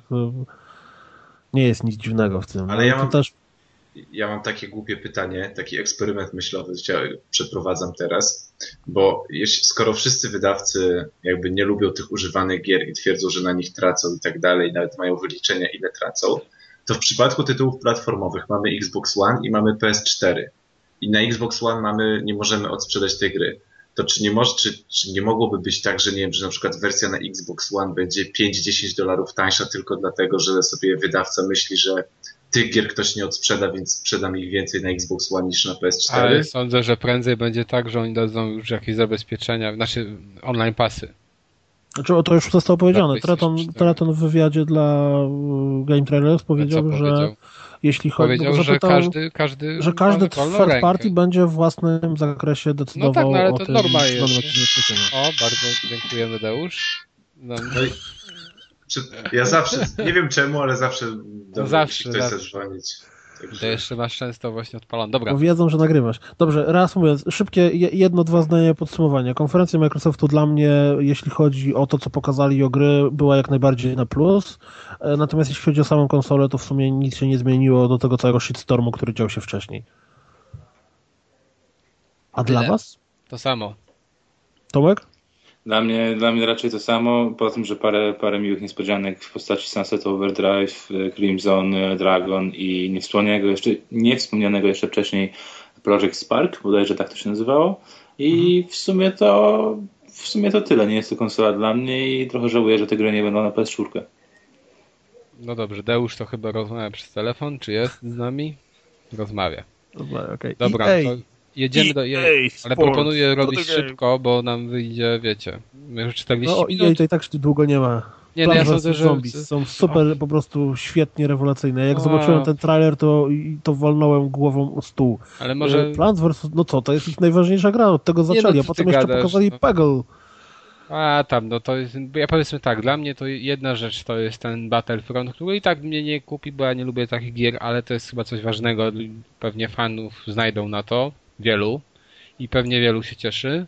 A druga rzecz to Mirror's Edge 2, z czego ja się cieszę, natomiast nie cieszę się z tego, że faktycznie to my nic o tej grze nie wiemy, Już nic nie, nie widzieliśmy. No, słyszałeś. Nie, wiemy to, coś. Wiemy, że... nie będzie żaden sequel ani prequel, Ale no dobra, no to wiemy. Okej, okay, ale nie wiemy jak to wygląda tak w zasadzie. I to jest, to jest reboot. Tak samo. To znaczy wiemy to, że... To jest reboot serii, to nie jest remake jakby. Bo remake to opiera się o tym, znaczy bardziej, że to jest, wiesz, odtworzenie tego, co było. Podobno tam ma być coś innego też w tej historii. Robią tą samą grę jeszcze raz i będzie fajnie. To znaczy i tak nad nią nikt nie pracuje, bo wszyscy robią przecież tego. E, wyjdzie, kiedy wyjdzie. Battlefielda. Nie? Battlefielda, Battlefronta, Dragon Age'a. I tam no tak, ale nad, które... nad Battlefieldem i nad Mirror's Edge pracuje DICE chyba z tego co no wiem. Tak, tak, no i ale tak, dlatego... pierwszego też robiło DICE. To co, co? Battlefronta? Battlefronta nie wiem, ci ktoś, no to... No, nie, no nieważne, no generalnie robi DICE Battlefielda i pewnie na tym się skupiają. Hmm. Tak wychodzi. Nie, nie, ja bym wrócił do tych Plant vs. Zombies, no bo jednak e, nie wiem, czy zdajecie sobie sprawę, ale PopCap został kupiony przez EA za miliard dolarów. To jest Dokładnie. generalnie przez w Plants vs. Zombies zagrało pewnie dwa razy więcej osób niż y, w Battlefielda czy, czy w Dragon Age. To jest jedna z moich ulubionych gier w ogóle. Wiesz czego ja nie pojmuję? Kojarzę to EP po prostu. Po prostu mam za mały mózg, żeby to zrozumieć. Plants vs. Zombies było grą, która się super sprzedało. Wyszło chyba na każdy możliwy sprzęt, mhm. dlatego, że miało taką, a nie inną formułę. A oni zrobili z tego TPP shootera. No tak, no mogą sobie teraz na to pozwolić, tak? Jeżeli tyle osób kojarzy już sam brand i samą, całą, całą markę, tak? I w ogóle wszystko, co się dzieje wokół, wokół, wokół tej gry, no to już sobie mogą pozwolić, żeby trochę to niższe okroić, tak? Ale myślisz, że to będzie grywalne, nie wiem, na Androidach, na A tego nie będzie na Androidach. Tego nie będzie na Androidach. Ten Garden Warfare to jest Xbox 360 i Xbox One, exclusive. Oh. Plants vs. Zombies drugie, Plants vs. Zombies drugie jako takie, jako Tower Defense czy tam taki jakby Tower Defense, będzie na urządzenia mobilne. Oprócz tego teraz jeszcze wypuścili Plants vs. Zombies na Facebooka, który jest trochę taki, jest słaby i generalnie był tylko po to, żeby jakby wszystkim przypomnieć o tym, że jest taka gra, jest taki uniwersum, jest taki, wiecie, taki, taki brand i nie wiem, bardzo, bardzo, bardzo fajne rzeczy robią. Dobra, ym, może no. przejdziemy dalej po EA, co było, Ubisoft. Ej, no o tyle fajnej ilości sportowych gier, nic nie chcesz powiedzieć? Nie, nie chcę. O tych super trailerach, podsielał z twarzy, jak się bili, nie, kupali... No. Jak był... Wszyscy widzieli, jak ktoś chce zobaczyć, jak się podlał z twarzy, to niech włączy konferencję EA, a my tymczasem Ubisoft e, omówimy. Rocksmith. Hmm. Dobra, dalej. Ej, no nie grałem w Rocksmitha. No nie grałem w Rocksmitha, nawet mam tutaj koło siebie go i nie wiem, fajnie, fajnie to wyglądało, tylko zupełnie nie było żadnych szczegółów e, a propos tego całego jakiegoś tam dżemowania jakby online, czy dżemowania z komputerem, nie wiem o co chodziło. Widziałem, że była tam gdzieś jakaś ikonka perkusji, więc e, mam nadzieję, że będzie można inne instrumenty też podłączyć w jakiś dziwny sposób. E, I mam nadzieję, że kabel zostanie ten sam, bo w Rocksmithie głównym kosztem był kabel pierwszym, więc jeżeli kabel będzie ten sam, co co? Albo gitara. No tak, chyba, że ktoś ma gitarę już wcześniej. No właśnie. No, e, tego nie, w porządku, fajnie. Tylko w ogóle nie, nigdy bym tego nie zaczął konferencji, bo to raczej wyszło dupnie. Znaczy, no w ogóle oni mają, mieli, powiedzmy sobie szczerze, dosyć dobrą konferencję, tak. No przecież wszyscy ludzie, którzy wychodzili na scenę, to byli jacyś tutaj... Co, Ubisoft? No, no Ubisoft, znaczy Ubisoft tak, no w sensie takim o grach. To byli trendsetterzy ja mody, przecież każdy że, był. No, każdy oni mieli mieszaną konferencję. Dla mnie to była najgorsza konferencja dobre i były rzeczy, które były bardzo słabe. No, ale nie dobra, ale proszę cię, no Główna było tak. prowadząca, głównie. No nie, okej, okay, ale... Hashtaga na koszulce? Ale ja nie... Jezu, ale ja nie mówię o tych takich rzeczach pobocznych, ja mówię o grach, no Legends, Rime, no ale w sumie dobra, było. było. South Park. No, ale co mi pokazałeś z tego Parku? Króciutki no nic, film, ale... No- który nic nie znaczył tak naprawdę. No dobra, okay, ja patrzcie, mówię mamy tą grę, kiedyś ją wydamy. Okej, okay, ale chodzi mi o same tytuły, tylko no faktycznie może to już zapowiedziane, to jakbyś Potem dalej, pominęli. pokazali The Crew, które totalnie mnie nie jara, autentycznie po prostu Ej, Dzisiaj powiedział, że to jest, ogóle. że to jest um, multiplayer CarPG. No, i że to jest coś, że on najbardziej lubi Metroidy i w ogóle, i że to będzie RPG. Czyli to będzie Metroid w samochodzie? The, the Crew, tak. czyli Massive, Massive Multiplayer Online, samochodówka z wykonywaniem jakichś tam misji i zadań totalnie po prostu absolutnie w ogóle mnie nie jara dlatego że... Ale trailer był fajny na samym początku, przed gameplayem. Trailer na samym początku był bardzo fajny, ale Jezu. gameplay był beznadziejny. To jest dobre. Trailer był fajny, ale gra do dupy. No, nie, poda tak. nie podoba mi się ta gra, ale kupię, bo ma fajny trailer. No. Może daj na początku gry ten sam. No. Oni powinni do filmu dodawać, wiesz, tak. Nie, gdy, gdyby nie pokazali gameplay, to bym powiedział, że fajnie się zapowiada, tak to... No. ja to wczoraj, jak oglądaliśmy sobie, mówiłem chłopakom, jeszcze powtórzę, że jak pokazywali trailer tej gry i potem grę samą w sobie, to gdyby na dole pojawił się na przykład napis Need for Speed coś tam, albo nie wiem, Forza coś tam, albo Gran Turismo coś tam, to ja bym w ogóle nie zauważył różnicy. Ta, jak, jak oglądałeś ten filmik, to to mogła być dowolna gra wyścigowa którakolwiek marka. One się absolutnie niczym nie różnią prawie. Mm. No, panowie, to jest taki tytuł, wiecie, nikt z nas go nie kupi i rzadko kto go z graczy kupi. Może powiedzmy sobie o tych, które coś ktoś kupi. A ja sądzę, że ktoś kupi i dużo osób kupi i jest bardzo ładne The Division Tom Clancy's który był dużym zaskoczeniem. Sądzę, że podobnym zaskoczeniem jak Watch Dogs rok temu, tak? To było na E3, hmm. gdzie oni pokazywali Watch Dogsy. Mhm. No gra wygląda bardzo fajnie. E, no szkoda, że to będzie jednak multi, bo ja bym wolał to w singlu. Słuchaj, założenia, jak ja sobie o tym poczytałem trochę dzisiaj, to założenia teoretyczne są bardzo takie y, Dobre, tak? fajne. Tylko na przykład była taka gra All, czy tam All Points Bulletin, która miała trochę podobne założenie teoretyczne, czyli mamy grę MMO, gdzie właściwie gracze sami sobie budują świat i misje są tylko takimi sugerowanymi i właściwie oni wynikają z tego, jak się gracze zachowują i są dobrzy, źli i tak dalej, bla bla bla. Ale było totalnie gówniane z wielu powodów. No i wiesz, to wygląda bardzo fajnie. To graficznie po prostu zabija. Pierwszy taki prawdziwy mega, mega next gen Natomiast ja nie wiem, jak to w grze wyjdzie. No, ja, ja, specjalnie nie jestem tą grą zainteresowany, ale jak oglądałem, no to czuć było, że to nie jest gra z tej generacji. Że no. oprócz, oprócz wyższej rozdziałki tutaj jest jednak coś więcej, no bo tak naprawdę grafika nie zrobiła mi aż takiego super, super wrażenia, ale ten ogrom tego wszystkiego, tak? Jakby no, no, no tam tyle działo na tym ekranie. To było fajne. Ja, ja uważam, że bardzo ładnie to wyglądało. Mm. I no i, no i od razu pokazali gameplay przede wszystkim. Nie? Tak, tak, Ka tak, tak. Kawałek bez traileru i tak dalej, no. tylko od razu mamy grę, która mniej więcej tak wygląda, to przynajmniej mm. wiesz, czujesz, że to kiedyś może wyjść i jak to może wyglądać w ogóle. No, okay. Dobra, a co sądzicie o królikach? Nic. Czyli w serialu telewizyjnym na Kinecta? No ja też jakby. Znaczy króliki są fajne, lubię, lubię rabicy, ale jakby...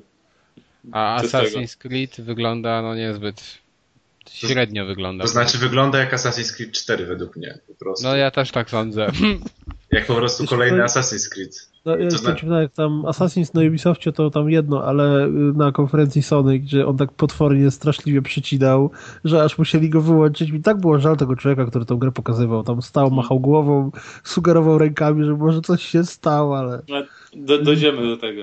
No to ja myślałem, wiesz, tak mówiłem, że Xbox też wybuchł w pewnym momencie, jak coś tam, wiesz, coś tam zawiesiło się, bo nie pamiętam już która gra, ale też im się zawiesiła. No w Project Sparku chyba coś było takiego. Nie, chyba, chyba nie, bo akurat tego przy nie widziałem. Smokach, przy tych smokach była cisza.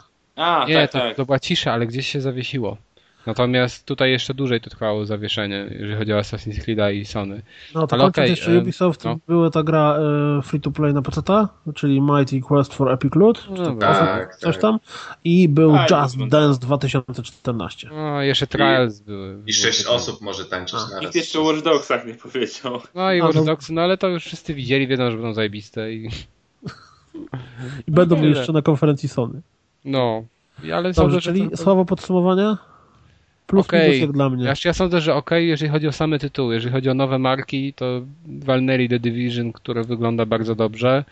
Pani z konferencji, która, no nie wiem, miała korki 20-centymetrowe i wszystkich Francuzów przewyższała o głowę, a wszyscy Francuzi byli jak to Francuzi ubrani no nie wiadomo jak, to tak, warto to na, minus. Na, na przyspieszeniu, jeśli tam już wszyscy widzieli trailery, to warto sobie zerknąć na konferencję.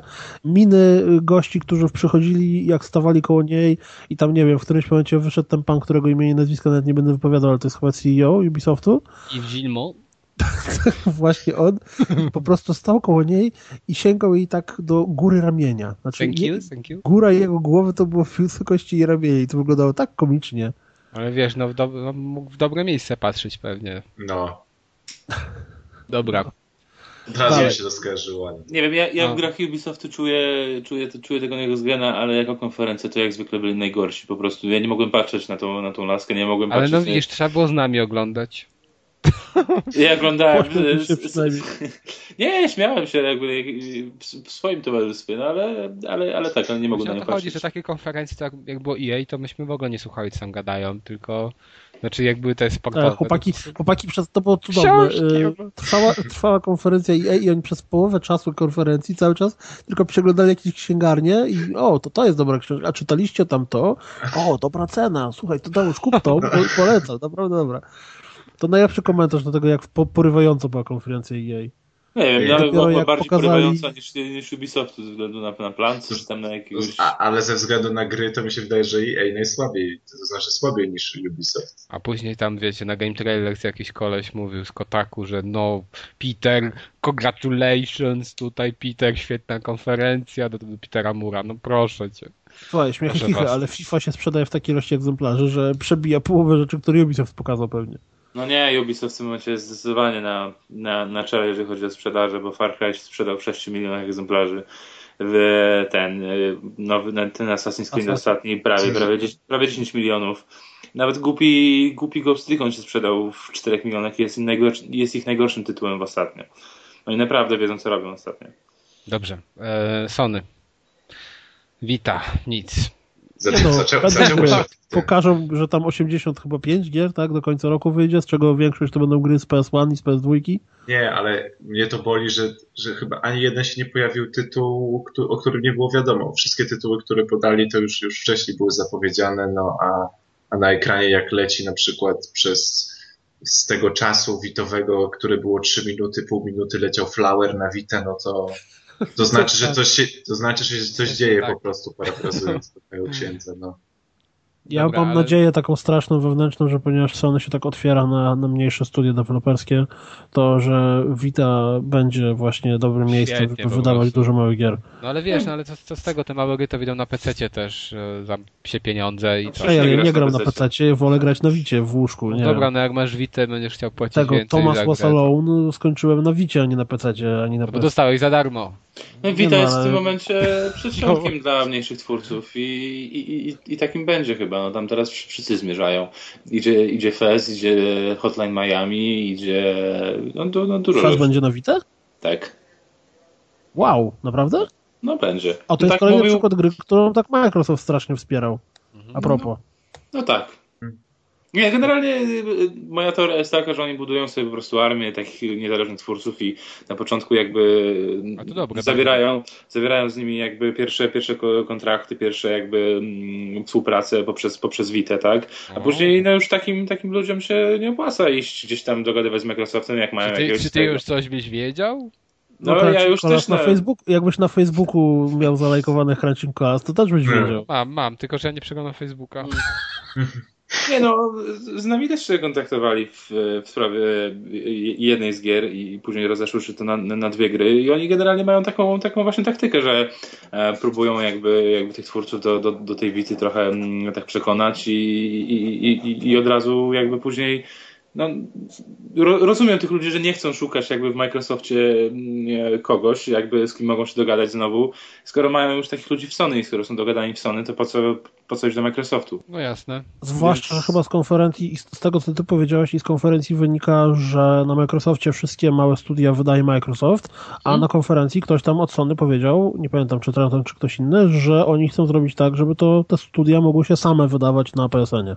Tak jest i, ta, i tak będzie. To jest I- ogromna zmiana. I to jest, to jest zdecydowanie plus i dużo się zmieniło. Zmieniło się przede wszystkim to, że Sony y, mm, wcześniej na PS3 miało coś takiego jak e, taki mm, concept proposal, trzeba było y, jakby im pokazać, oni musieli się zgodzić na to, żeby w ogóle tą grę robić na, na PS3 czy, na, czy tam na, na Vita. Teraz tego nie ma i em, jakby oni w ogóle nie, nie wtryniają się w produkcję twojej gry i są tylko platformą.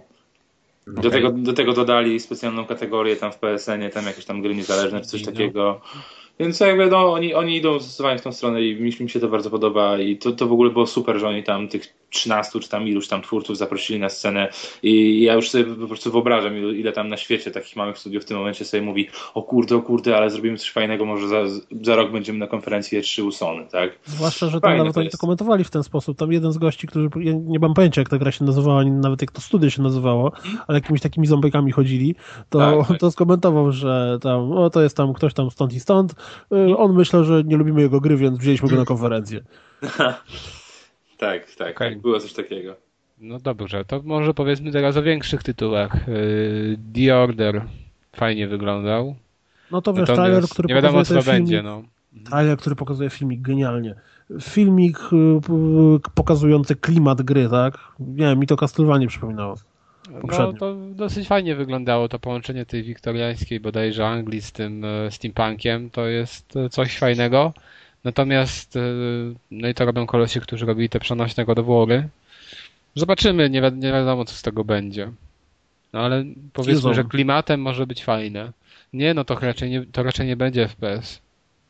No, mi się wydaje, że to będzie jakaś, jakaś, jakiś shooter Te- TPP, tak, tak? TPP Tak. też mi się wydaje.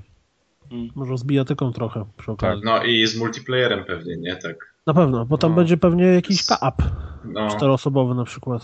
Patrząc Ale tam, ile tych postaci się W wysypało. sumie nie wiemy nic o tej grze. Tak, tym. no i w sumie to, to studio nigdy nie robiło swojej własnej gry. Oni robili Dextera na PSP chyba, robili go do Wora, tak jak mówiłeś, i robili ten y, port i robili Okami na Wii.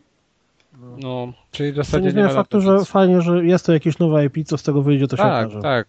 Y, Dobra, y, Killzone był chwilę, no czy już omawialiśmy Killzone'a. i będzie tytułem startowym, tak. Infam, E, tak, Infamous już nie ja się będzie. jaram. I Ja Killzone'em i Infamousem się jaram, dlatego że Infamousa 1 i 2 mi się strasznie dobrze w to grało na, na PS3. Naprawdę to są strasznie fajne gry, które moim zdaniem są trochę niedocenione, bo nie każdemu się chciało dokończyć, a one mają swój Moim zdaniem jest fajna paska. jedynka, ale dwójka już było to samo i już mnie to znudziło. Ale właśnie, właśnie miałem tak, że, że dwójka była o wiele większa jak dla mnie, o wiele bardziej dopracowana niż jedynka. Jedynkę mi się nie chciało grać, a dwójka była super. No, ale dlatego może, że... nie- A skończyłeś jedynkę? Nie, nie skończyłem jedynki. No, no widzisz, no może gdybyś skończył i byś to wiesz, już wszystko tam, no nie wiem, jak ja w to grałem i po prostu przeszedłem i już widziałem drugi raz dwójkę i wydawało mi się identyko to samo. W jakim, czasie, w jakim czasie od siebie w to grałeś? Ja? Nie, Kas. Ja nie wiem, nie pamiętam, ale z rok. Aha, no to dziwne, bo Więcej, ja dwa.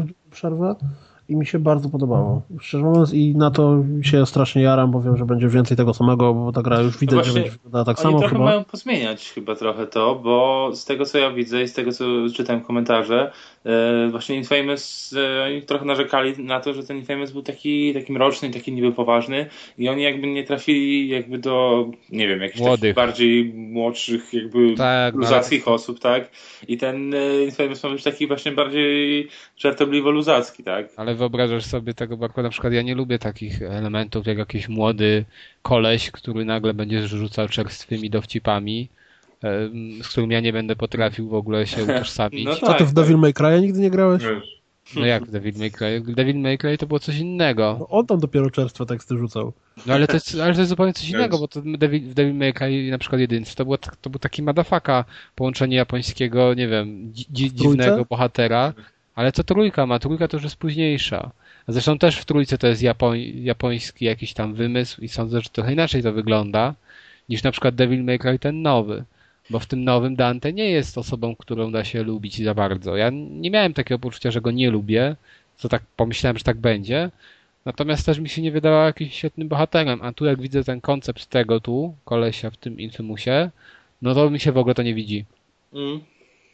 W ogóle. Ja nie lubię mm. takich elementów, na przykład w filmach, jak masz Indiana Jonesa i dostaje on pomagiera jakiegoś swojego młodego, który zawsze ma, oni wszyscy mają zawsze takie same, nie wiem, dialogi, są takimi samymi postaciami ci pomagierzy w filmach i tu jest coś takiego. Ale czy ty, czy ty, ty, tak, ja, tam po... ja, ja, nie znam fabuły tego Infamousa nowego, ale czy Second Son to nie chodzi o to, że to jest jakby syn tego głównego bohatera? A kto to Wiesz, trzeba by zaspoilować jak się kończyła druga część, bo się kończyła tak no A, pierwsza też się dziwnie, dziwnie, kończyła i fajnie nie, no, się pierwsza kończyła. się, pierwsza się kończyła tak, że było widać, że Ale... będzie druga. A druga się kończyła tak, że było, było jednoznaczne widać. określenie co do tego, jak świat będzie wyglądał po tej grze. No, to może. Czy no to... historię tego świata. Ale, Ale ja jedną rzecz chciałem powiedzieć. Ja tam totalnie, to, to wcześniej mówiłem, totalnie olewam postać i jak to tam będzie klimat. Mi chodziło o samą sobie rozgrywkę. Bo wydaje mi się, że będzie dokładnie to samo, co było wcześniej. Mhm. A granie w Infamousa mi się bardzo podobało. Tak, tak, okay. tak. NAG pokazali tyle co nic, nic nie wiadomo. Co tam no, mamy? Chyba trzeba być spokojnym, jak to są ludzie od Crasha i ludzie od Jacka i Dextera. To są ludzie od Crasha i od Jacka Oczywiście. i Dextera? Tak, tak, tak. Ich już ale dawno to... nie ma w Naughty Dog. A to nie wiedziałem, że nawet to są ci ludzie, ale to mm. jeżeli tak, to fajnie. Mm. Natomiast co tu mamy dalej? E, Transistor, no... ja się jaram tak strasznie, bo w Bastionie nie mogłem grać na, A, na to PS3. A to jakoś strasznie, ja nie wiem. No bo to, to zaczęło ten cały pokaz Indii. Ja po prostu na Transistora strasznie czekam mm. i to, że mm. będzie na PS4 się jaram potwornie i w ogóle a, uwielbiam Super A to będzie wyłączność, czy nie? Na początku chyba tak. Znaczy na pewno będzie na PC na 100%. Aha, no dobra. Oni chyba są antywyłączni, że tak powiem. Oni, są, oni chyba chcą być jak na, jak na największej ilości platform. Teraz ale, każdy. Chyba ale tak. z, tego, z tego co wiem, e, jak, z tego co ja zrozumiałem ten wczorajszy pokaz Indii, to miało być tak, że oni pokazują teraz tytuły, które będą tytułami startowymi na PS4. Te wszystkie gry Indie będą tytułami startowymi. Tak, tak mi się tak. wydawało, że oni powiedzieli coś takiego, że to będzie na początku ekskluzywne na PS4. Czyli, ja że najpierw wyjdzie na PS4, mhm. a z czasem będzie też na Xbox. Ja, tam... Mi się też tak wydaje, że to miało być na, na początek na PlayStation. Okay. Znaczy w sensie y, mnie bardziej zastanawia to, czy, czy to będzie na launchu już. W sensie, czy wczoraj poznaliśmy datę wydania tranzystora? Hmm, no, no dobra, wie. nie wiemy. A oni nie, nie zapowiadali tego raczej 2014 wcześniej? No tak raczej zapowiadali. No właśnie. Więc nie wiem, trochę, trochę mi się to pomieszało. Zresztą tak, teraz sobie chyba przypominam, że było tak, że najpierw był tranzystor, a później dopiero wyszedł facet i dopiero przedstawił tą całą resztę, tak? Tak, tak. To było tak, że był tranzystor, gość z Supergiant Games się schował i potem tak. E, wyszli wszyscy inni. To może to, to co mówię, dotyczyło tylko tej drugiej części. Może coś pomyliłem po prostu. Okej, okay, panowie, jedziemy dalej. To, co mnie najbardziej chyba się podobało e, na tej konferencji, Final Fantasy 15, czyli Versus 13 zmienione na 15, gdzie to był trailer po prostu taki, mm, jakie, znaczy gry, które lubię. I to jest też, mówiłem dzisiaj Piotrowi, że dla mnie największy ból, że na tych konferencjach wszystkich do tej pory, no chyba już, no nie ma w zasadzie innych nie było typowo japońskich gier, a to jest po prostu japońszczyzna pełną gębą. No, I bardzo, bardzo, No, tam bardzo, Ej, to bardzo... Transistor się też powinien podobać, bo tam Nie, jest nie, bardzo dużo. no, no takie, no nie wiem, ja, mi Bastion się za bardzo nie widział, więc... Mhm. Ale natomiast piętnastka wyglądała świetnie, uważam. Rozwalające się budynki, jakieś światy pokręcone, te, postacie typowo japońskie, nie no. Ja czekam naprawdę na tę grę mocno. No ja bardzo się Jedno, obawiałem co mnie niepokoi troszeczkę.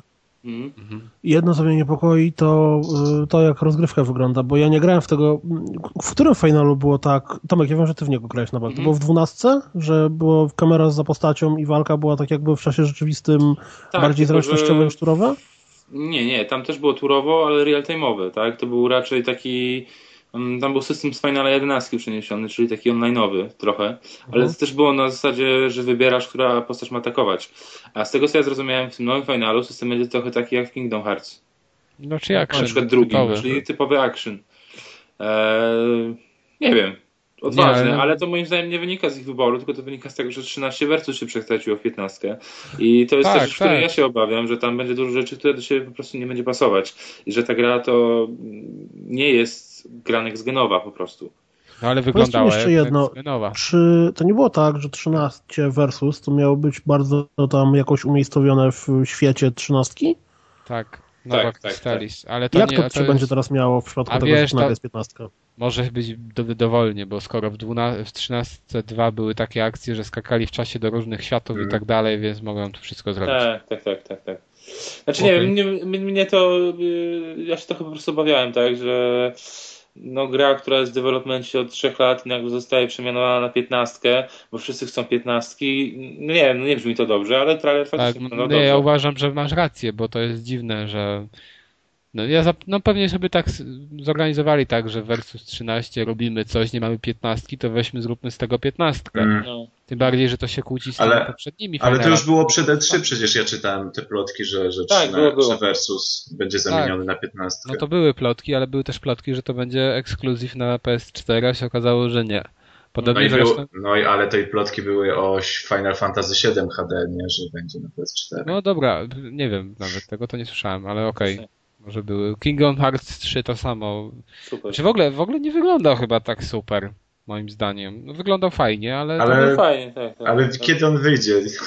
No i też, na, też, też na, na dwie konsole wyjdzie. A Przynajmniej. to, to nie było tak, że oni zapowiedzieli mm, Kingdom Hearts 3 i jeszcze jakiś remake? No jak, no jest ten remake, ten 1,5. I on już wyszedł? Czy on wyjdzie? No czy nie, co? on wyjdzie teraz w tym roku. Okej. ja, ja niestety nigdy nie śledziłem tej marki, więc... No ja akurat nigdy, nie, no chciałem bardzo zagrać, jakoś nigdy nie było okazji i teraz sobie to nadrobię. Znaczy grałem tylko w D, na DS-ie, ale była słaba. Właśnie w, ten, w tę część, z której filmiki będą w tym zestawie HD, który wyjdzie w tym roku na PS3. Ale była bardzo słaba i w sumie dobrze, że jej nie dali do, do zestawu jako grywalnej rzeczy, tylko jako filmiki, bo one tam nawiązują trochę podobno do tego Kingdom Hearts pierwszego. Okej, Elder Scrolls Online nikogo. Ech, Mad Max. No, Mad Max, no fajny filmik, ale pokazali, nie no, wiadomo nic. co z tego wyjdzie, totalnie No. nie wiadomo.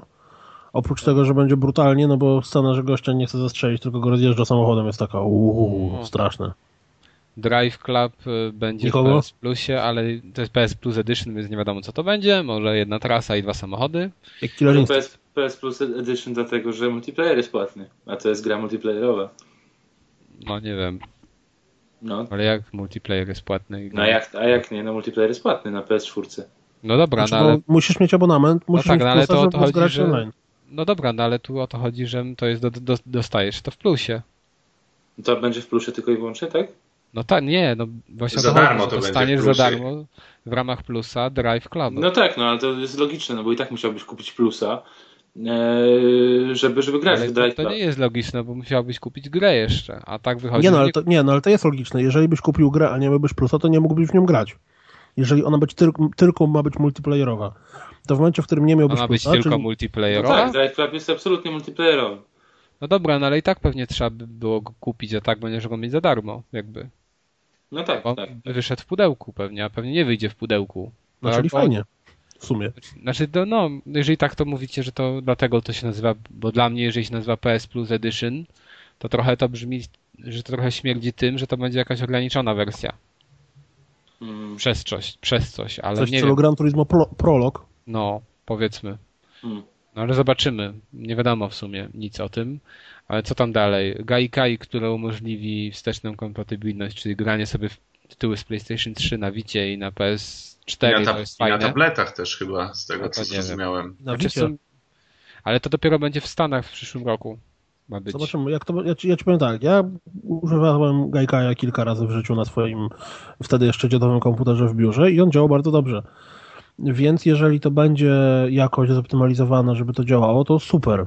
Może to będzie tak, że wiesz, to już tytuły z plusa będą działać. No to by było świetne, żebyś mógł na PS4 grać wszystkie tytuły z plusa, które tak są w sklepiku dostępne i które już masz w swojej bibliotece tytułów dostępnych to będzie super. Oczywiście równie dobrze może się okazać tak, że jeżeli będziesz chciał na PS4 grać, to będziesz musiał jeszcze raz kupić za jakąś tam Nie, no nie wiadomo, powiedzmy nie wiadomo nic, tak? Nie wiadomo Tylko, nic. że Natomiast będzie można grać. Wiadomo, że Sony zrobiło mega trolling Microsoftu, jeśli chodzi o używki, bo powiedzieli, że będziecie mogli robić to, co robiliście wcześniej i w ogóle będziecie mogli grać w używki, będzie super wspaniale i ludzie dostali orgazmu i nigdy w życiu nie widziałem czegoś takiego na żadnej konferencji ale, poświęconej ale też. grom. Ale to ja już mówiłem, że to, zresztą jak oglądaliśmy w nocy, to, to mnie to strasznie zdziwiło, że, że nagle Sony wychodzi na wielkiego bohatera, tak naprawdę nie zmieniając sytuacji obecnej. Czyli, znaczy, wiesz, to no, okazuje się, że Sony, Sony nie jest skurczysynem, tak? Bo, bo nie zmienia tego, co jest teraz. Mhm. Ale jakby no, Sony jest bohaterem i, i wszyscy biją brawo Sony i noszą na rękach jako Boga, za to, że właśnie, że, że nie zrobili na złość jakby graczom, że nie, nie no zrobili graczom źle, że no zostawili tak. obecną sytuację. No tak, no ale dlatego, dlatego tak jest, bo konkurencja podziałała w zupełnie inny sposób. To w tym momencie to musi być duży plus. Znaczy moim zdaniem Sony to fajnie rozegrało, no bo tak naprawdę oni nie, nie, nie, to, że nie robią tego, co robi Microsoft, tylko no, oni zostawiają to kwestii czasu, no i po prostu no, wierzą no, w to, no, że... Nie robią, no nie robią, no jednak mówią o tym, że ich tytuły, przynajmniej ich na 100%, mhm. to będą tak dostępne, że będziesz mógł bez problemu je sobie mhm. pożyczać i sprzedawać. Tak, no ale jeżeli w pewnym momencie te tytuły nie wyjdą na płytach, ale wyjdą tylko online, to już tak no, nie będziesz mógł zrobić. No dobrze, no ale będą na płytach w tym momencie, póki będzie ta konsola, skoro wiesz. Tak, skoro bo to jest... jeszcze jest, nie, nie jest ten czas, y, żeby to zrobić. No, no, bo... no tak, no ale to nawet jeżeli będzie trwało, wiesz, 5-7 lat, no to i tak to jest dużo. Ja się spodziewam, że ta, ta generacja będzie krótsza niż y, PS3 i Xboxa 360. Wiesz, że tak się spodziewasz? Wiesz dlaczego? Bo mm, Kinect i PS Move były w momencie, w którym wychodziły to chyba dwa lata temu, mniej więcej one nakręciły przedłużenie generacji. Bo w momencie, w którym normalnie, gdyby, te, gdyby nie wpadli w Microsoftie ani w Sony na pomysł robienia kontrolerów ruchowych, czyli gdyby Wii nie odniosło takiego spektakularnego sukcesu, to w momencie, w którym ogłaszali Kinecta i Mowa, ogłaszaliby albo już by się zbliżali do nowej generacji. No dobra, ale nie wiesz, jak to będzie za kilka lat. Może też coś takiego będzie, wiesz, nowego. Jest VR jeszcze przecież. Okay. Nie wiem, no może, no, no, no właśnie. No, no co, już pracuje nad swoim tym, tym, już patentowe wnioski złożyli. Okej. Okay. Jeżeli chodzi o VR-y. I ostatnio Sony na przykład złożyło bardzo fajny wniosek patentowy a propos tego, jakie to Sony jest dobre i w ogóle jak to należy je chwalić. Złożyło wniosek patentowy, który został zaakceptowany o oglądaniu reklam podczas gier w zamian za to, że gry będą za darmo. Mm. No, nie, no, no, wiesz, to jest jeszcze jakby, że to było rozsądnie rozwiązane, to można to przeżyć. Ale Jasne, Spotify, tak Spotify w wersji tej darmowej, gdzie masz tam co ileś piosenek y, reklamę, mhm. bardzo dużo osób z niego korzysta i jest zadowolony. No jasne, wiesz, tylko e, jak Wszystko mówię, w tym, że... jak to będzie działało, nie? No tak. No, to, no tak, bo to może być na przykład tak w grze, powiedzmy, ja już sobie to wyobrażam na przykład w ten sposób, że twoja postać podchodzi do jakiegoś ekranu w ramach scenki przerywnikowej i widzi reklamę. Nie, nie, to nie, nie? będzie. Znaczy, że gra się pauzuje i wtedy widzisz reklamę. Też no. chciałbym tak, ale wydaje mi się, że to chyba będzie chamskie jednak. Hej, wiecie co? Ale to może być też na początku, powiedzmy. Mamy nową że jak, Nie, jak w Call of Duty na przykład była misja na tym, na Burger Kingu, to tak samo wchodzisz do tego i tam pani zachęca cię, żebyś Big Maca tam kupił sobie. No, tam McDonald's sprzedaje o połowę mniejsze hamburgery. Jak w tych reklamach tak. starych. Grasz, w, grasz, grasz w Force, wyleciałeś z zakrętu, nie? I tam PZU, jeśli to wydarzyłoby się w twoim prawdziwym życiu, co byś zrobił? Dobra, słuchajcie, Destiny, czyli wow, marka Bungie nowa. Wow. Nie no, wiesz, dla wielu ilości osób to jest przecież Bungie, są bogami game devu i są najwspanialsi na świecie. No tak, ja ale jestem wiesz, strasznie to ciekawy, jest- czy ci ludzie, którzy uwielbiali no ja znam parę osób, które uwielbiały nie Halo, a uwielbiały, czy tam Halo, a uwielbiały Bungie. I w momencie, w którym Halo już nie robi Bungie, to zaczęli na Halo narzekać. I teraz ciekawy jestem, czy nowa gra będzie o mój Boże, jaka wspaniała, czy nie. Bo jedyne, co ja już zauważyłem, nie do końca mi się podoba, to switaśne potworki.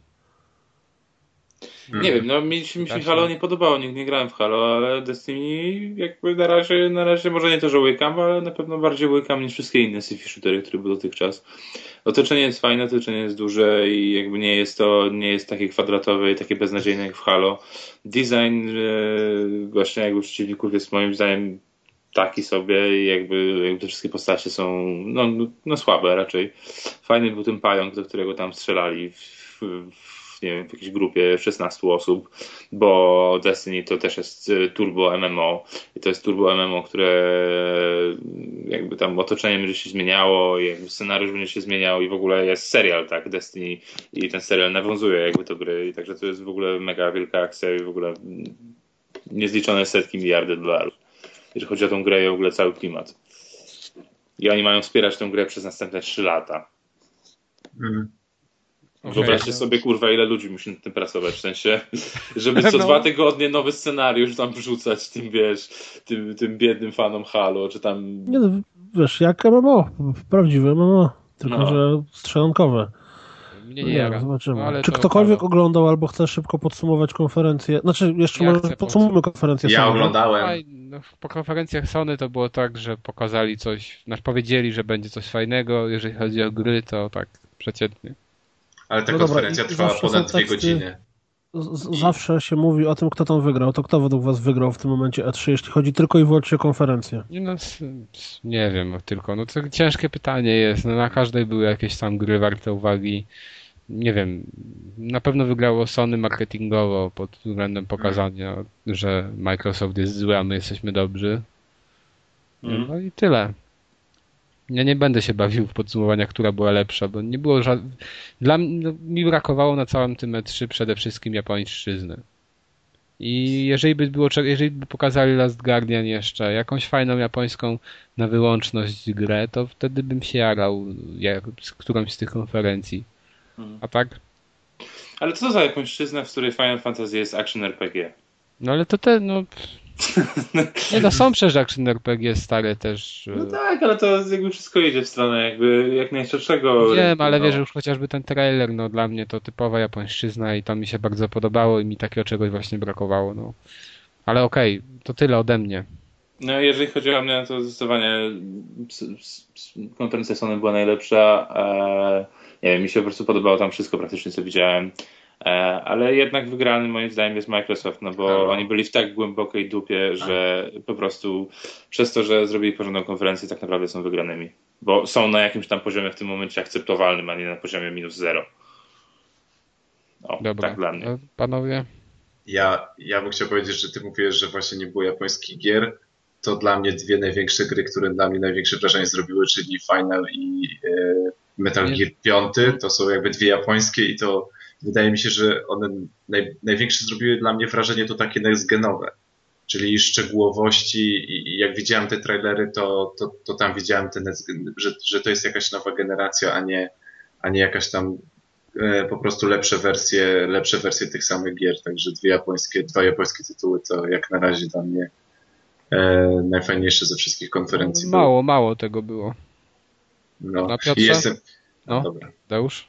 Chciałem Dokąd? powiedzieć, że jestem też wstrząśnięty oczywiście na Nintendo Direct konferencji. A to zaraz powiemy. Aha, bo jeszcze tylko powiem, że huknęli informacją na koniec, że w nowym e, Smash Brothers będzie Taka- nowa, nowa postać e, wieśniak z Animal Crossing.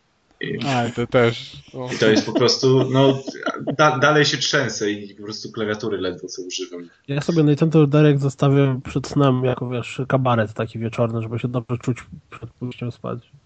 No dobrze, Piotrze, dla ciebie co Wiesz najlepsze? co, jedno co, moim zdaniem, jeśli chodzi o same gry, to konferencja Microsoftu była bardzo dobra, a jeśli chodzi o generalnie y, cały wydźwięk sprzętu i wszystkiego, to definitywnie Sony.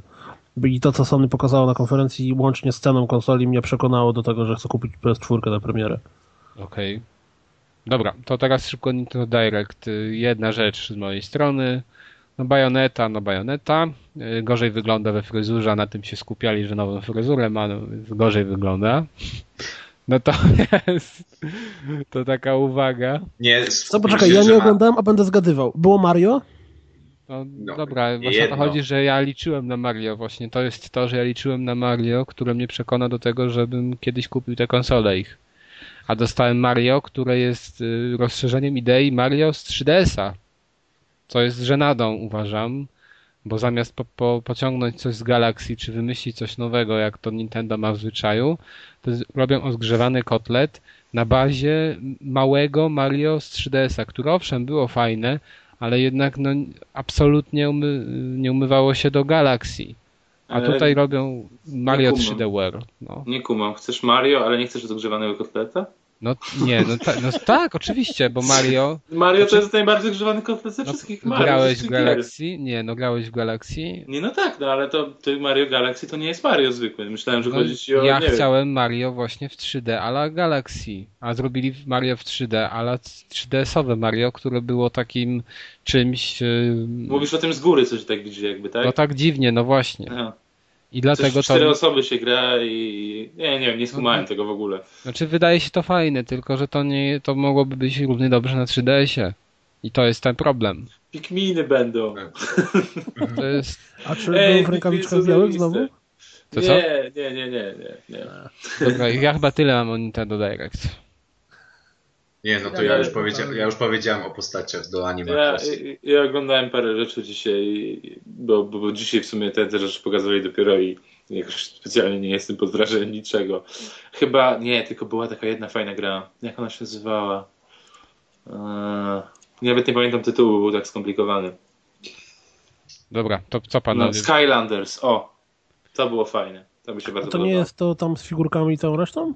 Tak, tak, tak, tak, tak, tak. Ale, ale to ja wam jeszcze powiem, bo oglądałem tutaj e, ze znajomym tą konferencję i w, w trakcie konferencji tam wyszedłem do innego pokoju i znajomy mnie woła krzyk, okrzykiem Zelda, nowa Zelda na Wite. E, na, nowa Zelda na Wite, mówię, nowa Zelda. No, to dopiero by było. Nowa Zelda no. na Wite.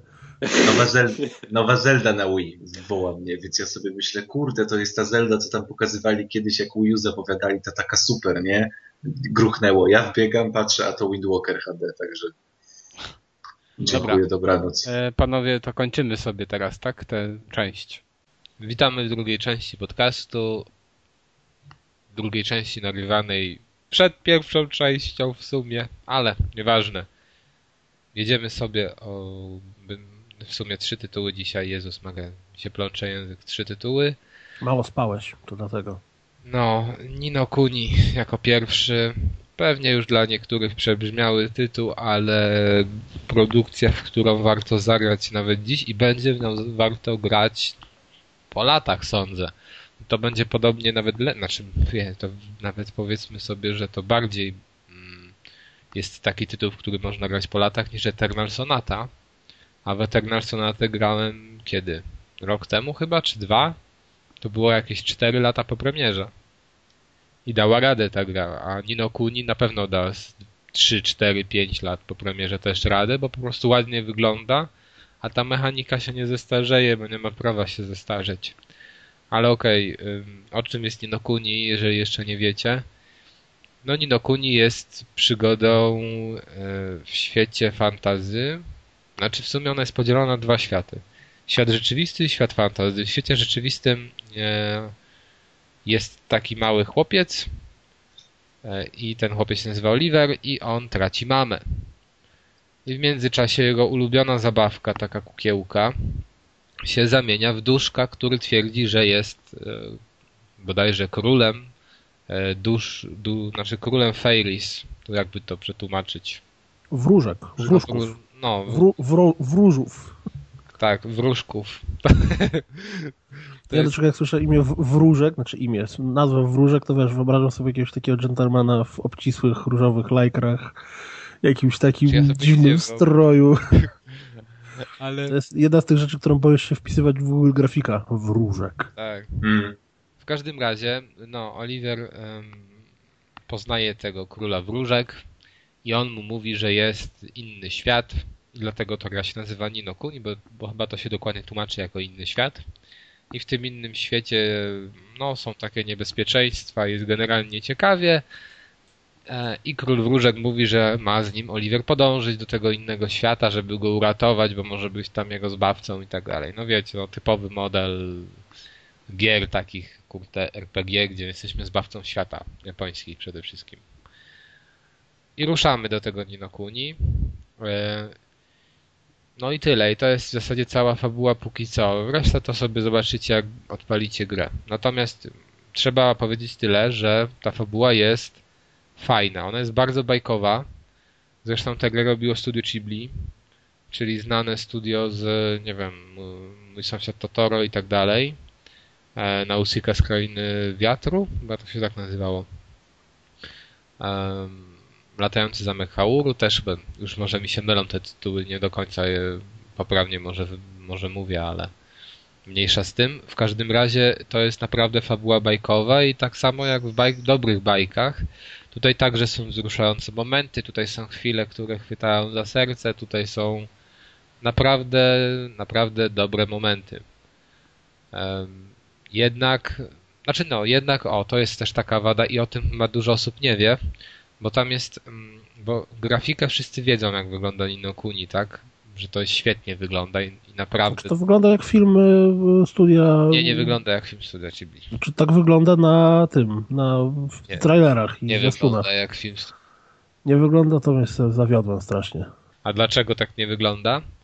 Bo mm, oni połączyli, no wiecie, cel shading czyli typową grafikę komputerową i jest ona bardzo ładna, no, naprawdę świetna i faktycznie przypomina w jakiś sposób film animowany i nie ma się absolutnie do czego przyczepić. Tam są takie szczegóły, że na przykład jak ten dzieciak idzie po schodach, to ostatnio nagrałem w Remember Me i dokładnie patrzyłem, często, często to jest taka rzecz znamienna dla gier, że jak postacie idą po schodach, to zawsze im te nogi, tak wiecie, wchodzą w te schody. Hmm. Bardzo często, czy jak stałem na ostatnim stopniu, tak tu w Ninokunie tego w ogóle nie zauważyłem. Bardzo często się biega po schodach i nasz, nasza postać po prostu skacze po nich, fajnie. Jak się zatrzymasz, to nie tak, że ona, y, że ta pół na przykład stopy znika w, schod, w, schod, w schodach, tylko ona od razu tę nogę postawia, znaczy stawia na wyższy schodek jedną. I tak ugina się trochę.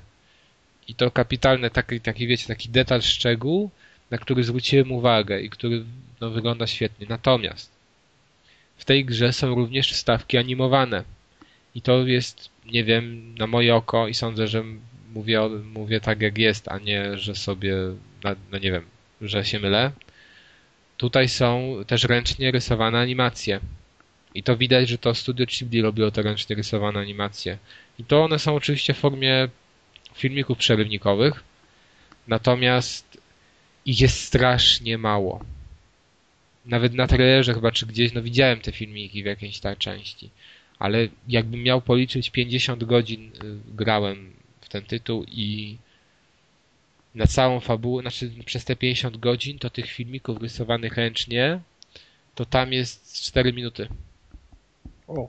No, jest strasznie mało, aż się no, naprawdę i to jeszcze jest hmm. tak, że nie ma ich w takich, że często nie występują one w bardzo kluczowych momentach. Tylko no, takich dziwnych, no, gdzie mogłyby być zwykłe te animacje na silniku gry. No ale w większości przypadków i tak są właśnie animacje na silniku gry. To jest tylko taki mały zgrzyt, no sądziłem, że będzie tego więcej, a niestety tak nie jest. Natomiast no graficznie no, to jest poezja.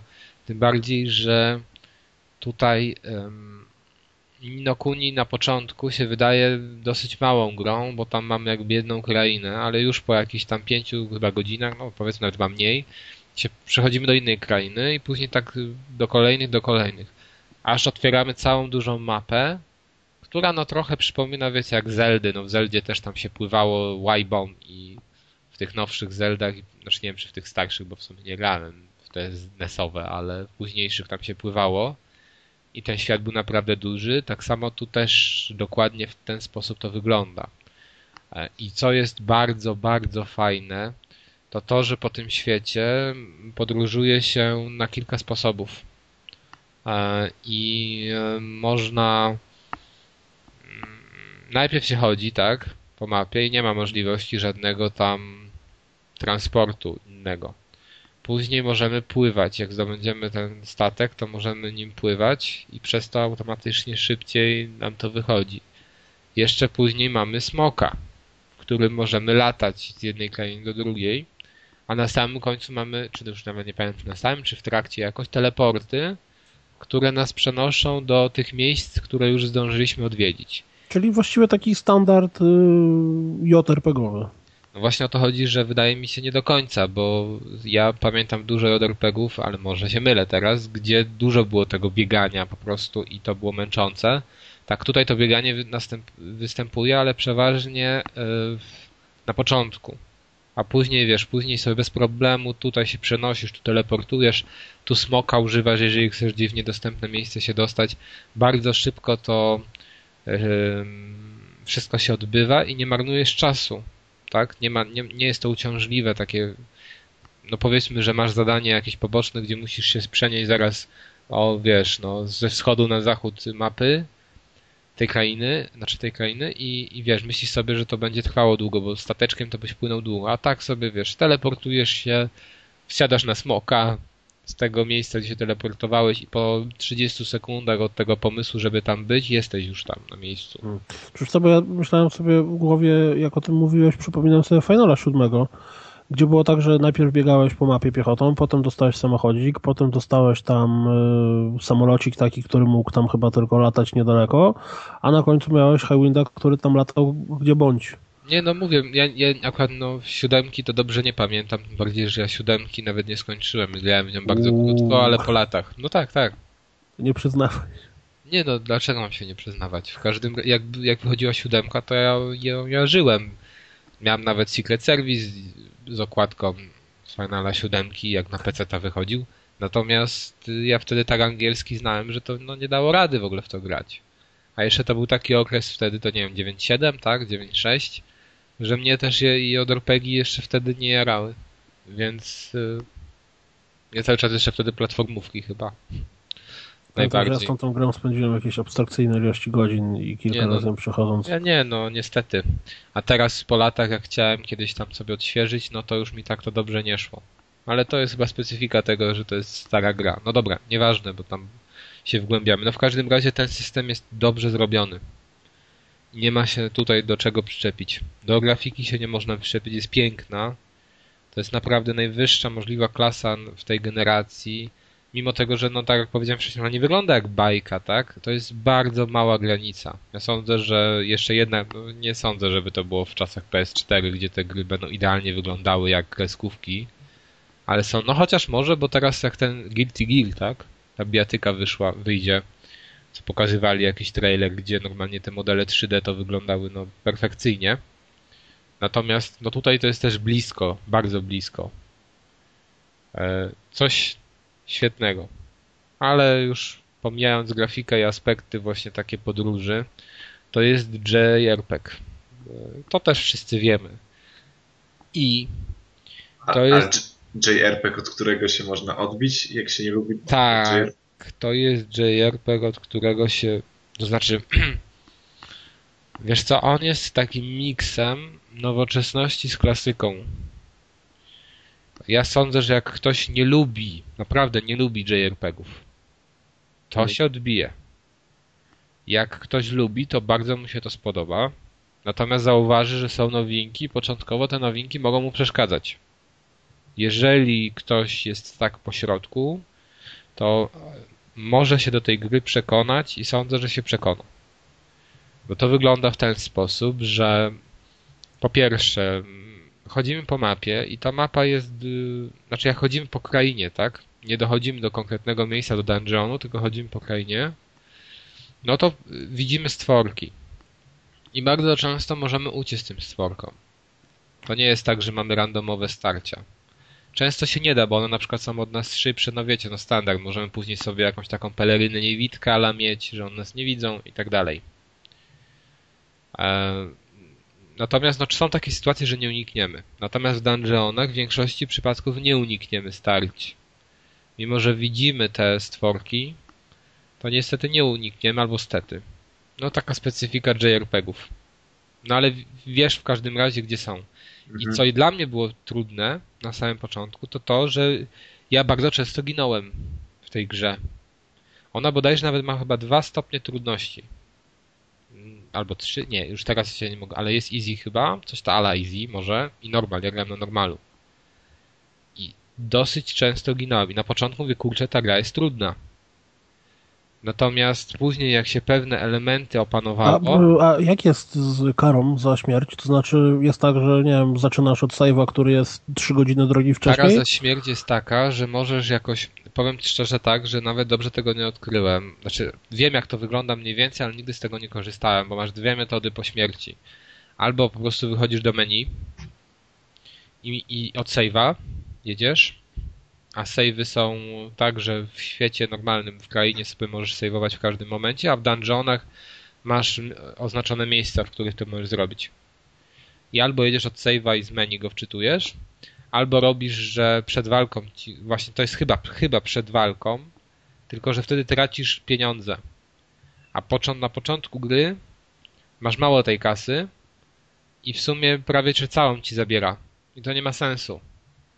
Bo te savey są w miarę tak y, rozstawione, że no wiadomo, że trochę cię to cofnie, jeżeli sobie wczytasz save'a, ale to nie jest tak daleko, żeby to ci robiło jakiś większy problem. No ginąłem i zawsze wychodziłem do menu i wczytywałem save'a od tego ostatniego punktu zapisu i nie miałem z tym problemu.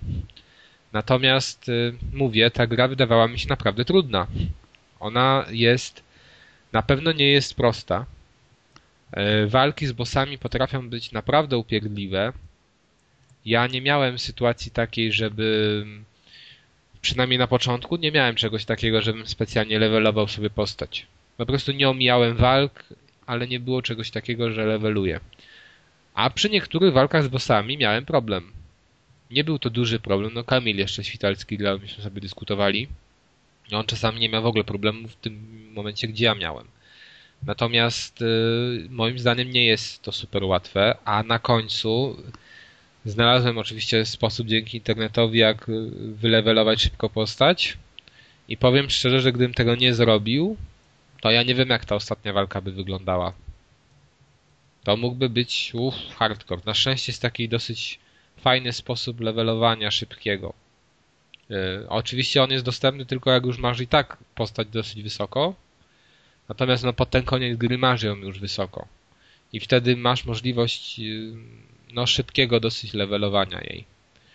Ale dobra, okej, wracając. Ten system walki jest połączeniem yy, z turówki yy, z grą akcji. To znaczy, my poruszamy. W ogóle wygląda to też ten, w ten sposób, że ty grasz tym Oliwierem niby. I ten Oliwier ma takie jakby ze sobą stworki ala Pokémony. I to się nazywa familiary. I w zasadzie jako Oliwier możesz rzucać, czy Oliver, możesz rzucać zaklęcia, ale ciosy, wiesz, e, bronią białą nie wchodzą w zasadzie w grę, bo ta postać jest tak słaba i różdżką, że dużo nie zdziałasz. Więc ona rzuca tylko czary. Natomiast te, te twoje stworki, one się bardzo dobrze nadają do walki wręcz, ale też mają, posiadają magię. I co jest ciekawe, e, stworki mają ten sam poziom życia co ty. Czyli jak stworek umiera, to kurczę, teraz właśnie, no, no, bo już też w to grałem jakiś czas temu, nie mogłem tego mówić, ale tak to jest bodajże. No, jak się mylę, to mnie możecie zlinczować, że ty też umierasz, jak twój stworek Czyli jest umiera. tak jakby wspólny, wspól... czyli nie, jak że tak zamienisz stworka, to wtedy ty masz znowu pełen pasek, tylko wspólny pasek y, dla wszystkich postaci, tak? No ta, y, właśnie, czekaj, czekaj. No chyba tak, tak. No jest wspólny pasek życia dla, dla wszystkich postaci. Natomiast jest też taki pasek, gdzie czasowy, że ty możesz tego swojego stworka użyć w określonym czasie i później musisz tak go zmienić. Żeby on jakby się znowu doładował, ten pasek y, użycia stworka, jakby. I wtedy znowu go możesz wypuścić y, do walki. I to jest tak, że naraz możesz mieć trzy stworki, e, i między nimi, między nimi sobie zamieniać. I każdy, każdy z tych potworków jest tak zrobiony, że ma jakieś swoje predyspozycje, wiesz, jedne są jakieś takie jak Pokémony, nie? Wodne, Mm. inne są i tak dalej. Możesz je levelować, jak je levelujesz, to później musisz zbierać takie specjalne kule, które powodują, że one przechodzą, że przeistaczają się w inne, no jak Pokémony trochę. E, I to wszystko bardzo fajnie wygląda. Natomiast już sama walka wygląda w ten sposób, że ty poruszasz albo z Oliverem, albo z Tworkiem, bo normalnie sobie latasz po planszy podczas walki. Natomiast wydajesz komendy i w sumie ten system obracania komendami, bo go robisz za pomocą tam sztabek, wiesz, L1, L1, biegania gałką, wszystko się sprawdza, nie ma żadnego dużego chaosu w tym. Ale trzeba się do tego przyzwyczaić, bo to jest coś specyficznego moim zdaniem, jeżeli chodzi o RPG. I teraz ty biegasz po tej planszy i wydajesz mu komendy. Czy sobie, no czy ten Oliver sam robi jakieś akcje. No i oczywiście w tym momencie, jak ty wciskasz, że robisz te akcje, to masz taki czas na wykonanie tej akcji. Na przykład masz atak i widzisz, że ten atak tam jeszcze z 3 sekundy potrwa. No i w tym momencie ty możesz automatycznie cofnąć ten atak, a jeżeli nie cofniesz, to to 3 sekundy. I to trochę tak wygląda jak, jak, no jak system turowy, tak? W tym wypadku. Natomiast ty możesz podbić do przeciwnika od tyłu, gdy się dowiesz, że on ma słaby na przykład ogon. I wtedy podbiegasz i go walisz w ten ogon. Możesz no jeszcze inne takie taktyki zastosować, tak? Jak na przykład chcesz się uleczyć, to musisz uciec kawałek, bo powiedzmy, że jesteś blisko przeciwnika, on podbiega do ciebie i cię uderza, a ty próbujesz się uleczyć. No i dupa, tak? Bo miałeś prawie, że wykończony pasek energii, e, robisz uleczanie, ale on cię dobija w tym momencie. Więc ty musisz jakby kawałek szybko uciec od niego, czy jest ten aspekt akcji i dopiero wtedy używasz tego czaru, który też określoną tam czas trwa.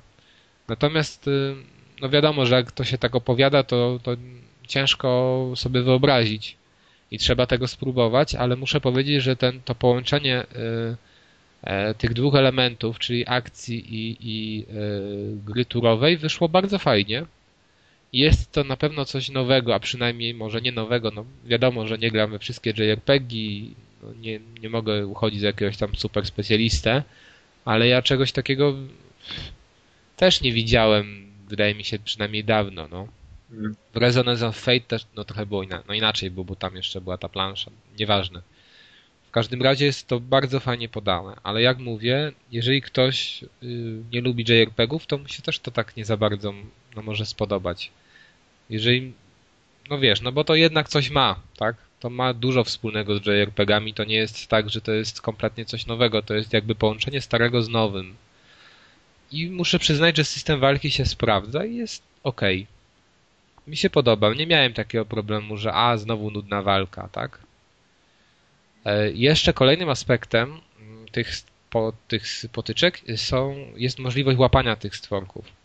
Bo jest coś takiego, że możemy je po pewnym, oczywiście po 10 godzinach tak gry, czy po jakimś tam czasie, łapać je. I to jest też tak, że jest e, bardzo często randomowe a czasem mamy zdania poboczne, które wymagają określonego złapa, znaczy złapania określonego yy, potwora. I wtedy się robi z tego problem, bo wiesz, możesz spotykać te potwory i walczyć z nimi i możesz walczyć 10 razy i go nie złapiesz. Bo nie masz na, te, na to wpływu w zasadzie żadnego. Dopiero później tam poprzez jakieś odblokowania wyższych poziomów, powiedzmy jak robisz dużo misji pobocznych, to możesz odblokować coś takiego, że niby jest większa szansa na złapanie ale poza tym nie ma żadnych wyzna wyznaczników tego, że a dobra, coś tam sobie założę na siebie i szybciej złapię stwora. Tego nie ma. E, ale okej, okay, no już tak pomijając. System walki bardzo, no mi przypadł do gustu. Krainy, które tam są, grafika jest świetna, krainy, jest wszystko. Wszystko, co można sobie wyobrazić z bajkowego świata. Jest, są, są jakby alatropiki. Jest jakieś miasto wróżek, bo tam są takie miasta bardzo ładne też. Jest miasto takie, które przypomina fortecę jakąś taką e, ze średniowiecza. Jest e, miasto e, trochę steampunkowe, znaczy może nie steampunkowe. Wiecie, połączenie średniowiecza z nowoczesnością, że takie mechanizmy, duże koła zębate, no zupełnie jak w animacjach Ghibli. To bardzo często jest motyw z animacji Ghibli wykorzystywany. Jest y, mroźna kraina, jakieś jaskinie. Są co tam jeszcze jest? No las taki zwyczajny, można powiedzieć polski las. Jest taki las jakby jesienią. Jest tego naprawdę od groma. Y, każdy znajdzie coś dla siebie i nie wierzę w to, żeby komuś się ta gra nie spodobała wizualnie, bo jest po prostu śliczna. Ale jak komuś się podoba właśnie no Co? same wie, jakby system JRPG-a, czego nie odrzuci. Chodzi mi, że, że, że, że czy same wizualia wystarczą, żeby, żeby spędzać czas Nie, oczywiście, że nie. No tym bardziej, że wiesz, jak ona wygląda tak jak manga troszkę. Znaczy ten styl mangowy. I styl kreskówki też. I teraz no dorosły facet grający w taką grę i przychodzi twoja, nie wiem, szwagier czy ktoś, powiedzmy do ciebie i widzi, że w to grasz, no to się może uśmiać, tak? Więc nie, nie wszyscy... Nie, nie no, wszyscy... no szwagier, nie no, przed szwagrem nie można wypaść nieźle. Nie no dobra, no tylko mówię, że generalnie mm, jeżeli ktoś tego nie kupi, tej konwencji, no to no ale sądzę, że się już odbije zanim w ogóle tę grę nabędzie. Nie pomyśli o tym, żeby ją kupić. E, ci, którzy pomyślą o tym, no to muszą zdać sobie sprawę, że jednak to jest JRPG. Z poziomem trudności, z no, pewnymi takimi niuansami, które są, znaczy, które są um, charakterystyczne dla tego gatunku gier. Więc no, musi sobie zdawać z tego sprawę i y, musi też wiedzieć, że może go to odrzucić. Ale sądzę, że ktoś, kto jest taki umiarkowany, to jednak się przekona ktoś, kto nie cierpi JRPG-ów, no to na pewno się nie przekona, tak? To można chyba powiedzieć jasno. Czyli polecamy jak najbardziej, tak? Jest... No oczywiście ja ją polecam, no tym bardziej właśnie dla tych momentów, które są bardzo takie wzruszające, dla świetnej, świetnej muzyki. Naprawdę jest super. Ja mam tak, że do tej pory sobie słucham niektórych motywów z tej gry. Są no świetne. Dubbing jest bardzo fajny. Ja włączyłem sobie japoński oczywiście, bo można wybrać japoński bądź angielski. jeszcze jedną, jedną rzecz, bo jeśli ja dobrze kojarzę, to ta gra była konwertowana z DS-a chyba. Nie. Nie? To jest tak, tak że ona, wyszła, wyszła tak najpierw, na tak, ona wyszła najpierw na DS-a, ale to, co jest na PlayStation 3, to jest inna gra. A, czyli to nie ma nic wspólnego? Znaczy, może ma pewne rzeczy wspólne, ale to jest coś innego. Mhm, to, jest, to nie jest ja jakiś nie... tam zwykły, remake, nie, znaczy konwersja, tylko prędzej remake. To nie jest port, tak, to jest nawet remake i bodajże nie wiem, czyli pewnie wiem w którym momencie, bo podobno ta gra na DS-a się kończy, a wiesz, fabularnie one chyba są podobne. Tylko, mhm. że jest tak, że PlayStation 3 jeszcze jest dalsza część. Fabuły. Czyli tego w grze samej w sobie absolutnie nigdzie nie widać, że... że... Nie, absolutnie, to jest typo... Nie, tego okay. nie widać, że to jest. Czy tam w, w, wizualiach to wiem, ale bardziej byłem ciekawy, czy w sterowaniu, czy w jakimś. Nie, nie, nie, nie, nie, absolutnie. Okay. To jest y, typowo tworzony z myślą o dużych konsolach y, tytuł i tu nie ma takich naleciałości, wiesz, jak w innym, o którym będę mówił. Więc nie, nie możesz tak na to patrzeć. No co są? Aha, to jest ogrom misji pobocznych i w większości wypadków one są y, no, powtarzalne, natomiast ja miałem przyjemność z ich robienia i bodajże jest ich chyba 140 czy 150, tak mniej więcej. Tych niby, niby samych misji to chyba 130, ale tak w zasadzie tych zadań innych, co, bo są też takie inne, które nie są określone jako misje poboczne, jest też kilka. Sądzę, że mniej więcej 150. To jest ogromna liczba. Natomiast... Czyli jeśli ktoś chce to wymasterować, to zabawa na długie, długie godziny. No sądzę, że 60 godzin 70-60 godzin to jest tak, żeby zrobić wszystkie zadania poboczne. Ja miałem 50 godzin i zrobiłem prawie wszystkie. Tam w pewnym momencie były takie, że trzeba było coś tam przynieść składniki do zrobienia czegoś. I przeczytałem sobie, jakie są prawdopodobieństwa zdobycia składników od konkretnych, wiesz, potworków. Znaczy wiesz, no bo to jest tak, że jak one umierają, tak, jak ty zabijasz, to jakieś tam jest prawdopodobieństwo, że ty od nich uzyskasz jakieś minerały. Na przykład te minerały były 1% prawdopodobieństwo znalezienia. No to mówię, o, fajnie, no to już to sobie z tym podziękuję. I podziękowałem ze zrobieniem wszystkich zadań, ale zrobiłem naprawdę ponad 100. I nie nudziłem się przy tym, było to fajne.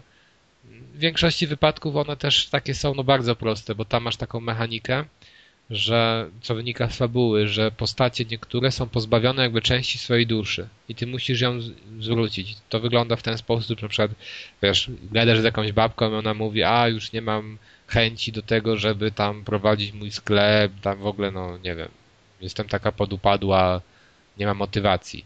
No i się okazuje, że brakuje jej motywacji, że została ona jakby wykradziona, tak?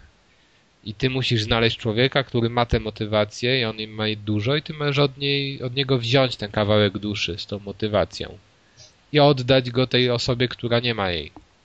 I to jest bardzo proste, bo na tej mapie są zaznaczone, wiesz, gdzie jest ta postać, która może coś dla ciebie mieć. Ty podbiegasz pytasz się i, nie wiem, y, zaznaczasz odpowiednią opcję i już masz, tak? I wracasz do tego, do tego kolesia drugiego, czy tej pani ze sklepu i dajesz ten fragment. No ona wtedy odzyskuje motywację i może dalej prowadzić swój sklep. Mhm. Więc one są często bardzo proste. Mnie akurat nie nudziły, ale sądzę, że mogą niektórych też ludzi znudzić. W każdym razie, już podsumowując, bardzo mi przypadł właśnie ten system walki do gustu, mimo początkowych takich trudności. Trzeba później, moim zdaniem, dosyć tam trochę sobie polewelować pod koniec, więc to też jest takie, wiecie, charakterystyczne. Świetna grafika, świetna muzyka, historia typowo bajkowa. Dla mnie na pewno jeden z kandydatów do gry roku. No zdecydowanie. Jedna z gier generacji, o której będę pamiętał. Ale też nie dla wszystkich, no bo jeżeli kogoś odrzuca ta stylistyka, no to wiadomo, że po nią nie sięgnie, bo to nie jest fabuła dorosła, tak? To jest typowo, no typowa taka bajka. Ale bardzo fajnie skomponowana, bardzo ładnie podana dla otwartych ludzi na takie rzeczy. Jeżeli ktoś lubi kreskówki Disneya i ogląda je bez skrępowania, bez debilnych po prostu jakichś żartów pokroju tego, co się stało po Shreku, tak, że wszystkie zaraz kreskówki miały jakieś poniżej pasa żarty. Takie aladeuszowe. Ktoś by się obraził za to, że nazywasz kreskówkami. No, Okej, okay, film animowany.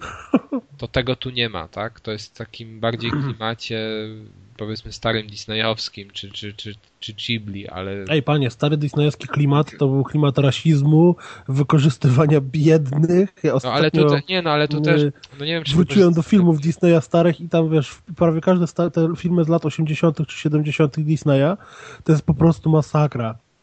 No nie, no tu, no to też może tak bardziej nie Disney, wiesz co, bo to jest taki miks, no, Ghibli też jest takie trochę specyficzne, że masz na przykład królową... Paśniowe takie, nie? Znaczy, jest inne, bo królowa na przykład w Disneya starych kreskówkach to zawsze ta dobra królowa, to no, bo ładna i tak w ogóle. A tutaj masz królową, która jest po prostu ogromna. I no, ogromna, to... bo masz kota za króla, i się, bo, bo, się okazuje, że każda ta postać w tym świecie Ninokuni, w tym innym świecie ma swoją, swój odpowiednik, w świecie rzeczywistym. I na przykład ty czasem szukasz wskazówek, jak rozwiązać jakiś problem danej postaci, bo możesz, się przenosić dowolnie między tymi światami. Natomiast ten rzeczywisty świat to jest, wiesz, jedno miasteczko podzielone na dwie ulice. Natomiast to wygląda tak, że wiesz, na przykład masz kota za króla i szukasz jego odpowiednika w rzeczywistym świecie, żeby się dowiedzieć, co mu jest i się okazuje, że, że no wiesz, tu ten kot gada jako król i tak dalej, jest taki potężny, a jego odpowiednikiem w prawdziwym świecie jest no zwykły kot. Dobra. Czy, czy, czy jest taki pirat i odpowiednikiem tego pirata jest bulldog jakiś w tym prawdziwym świecie. I no, to jest też fajny motyw. Um, no, no więc może nie do końca Disney, tak? Tylko takie chibli z Disneyem, natomiast na pewno nie dla super, no nie jest to poważne. Nie jest to coś takiego, że ukryte pod warstwą y, wizualną, głęboki tytuł, nie wiem, ale powiedzmy, nie wiem, Deus Ex, tak? Co, no może taką... bez przesady. Nie, no wiesz, no dobra, no z taką chodzi mi o jakąś taką poważną fabułę, no to jest bajkowa fabuła. A, ala dziady. Tak, ala dziady.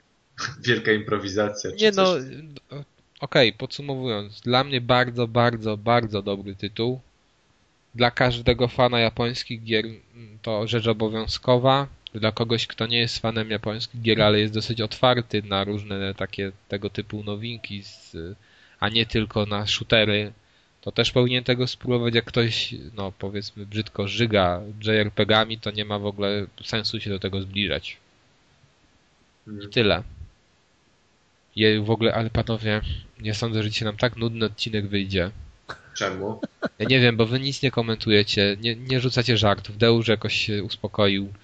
Ja Ale tutaj... nie no, bo wchodzimy bo bardzo merytorycznie i strasznie mnie ta gra e, mi się podoba i, i cierpiałem jak ta gra wychodziła, że nie mam PS3, bo to jeden z tych ekskluzywów, że to Uncharted sobie mogę, ja ci pożyczę. Uncharted, Uncharted mogę przeżyć, wszystko mogę przeżyć, ale właśnie jeśli jest e, klimat studia Ghibli i widziałem te gameplaye, to, to strasznie przeżywałem, że nie mam PS3 i, i, i dlatego po prostu tak słuchałem o tej grze. I wydaje mi się, że trochę tutaj powagi i, i, i tak. informacji można w podcaście przenieść. Nie, no, Dałusz zamknął oczy i wyobrażał sobie, jak w nią gra. No tak, ale jak ona jest ładna, no po prostu jest tak ładna, jak się biega. Tam, jeszcze go pojucz trochę, jeszcze. Deusz, no po prostu, no piękna, piękna rzecz. Jedna z najlepszych wizualnie gier na tej generacji, dlatego kupuj PlayStation 3, grę już ci kaz No, to była jedna z najlepszych gier, a teraz powiesz o najlepszej grze, ewidentnie na całą generację, obie, wszystkie konsole i tak dalej. Dajesz. Tak. E, o, ta gra też mnie interesuje. To, tak. jest, to jest jedna z moich ulubionych serii filmów. To wszyscy uwielbiają te tak, filmy, wiesz? Obejrzałem pierwszy i już więcej nie miałem ochoty po, na, po następne sięgać. Nie? No co ty, no, no tak. jak tak można w ogóle? Jest tak to, fajny, jest tak fajny, że aż zły. Nie wiesz, co tracisz. Powiedzmy, to powiedzmy szybko, że chodzi o serię Szybcy i Wściekli. Tak, ja uwielbiam tę serię, powiedziałem, ja w ogóle uwielbiam serie takie samochodowe, natomiast ta to jest tak wyjątkowa, że no, ani zresztą Taxi też nie tam, nie, po prostu Szybcy i Wściekli tam w ogóle się nie podobał jako film i absolutnie nie miałem ochoty sięgać po następne filmy z tej A serii. Próbowałeś to kiedyś oglądać po pijaku? Albo może nie po jakimś tak na konkretnie zalaniu, Wiesz, ale... To, kiedy wyszedł pierwszy Szybcy? Kiedy, kiedy wyszedł o Jezus, 10 matko, lat 10 lat pewnie. pewnie. albo więcej. No sobie policz, ile mam lat i czy mogłem po pijaku. No dobra, no ale no. też robiłeś podejście. ja to oglądałem właśnie wtedy.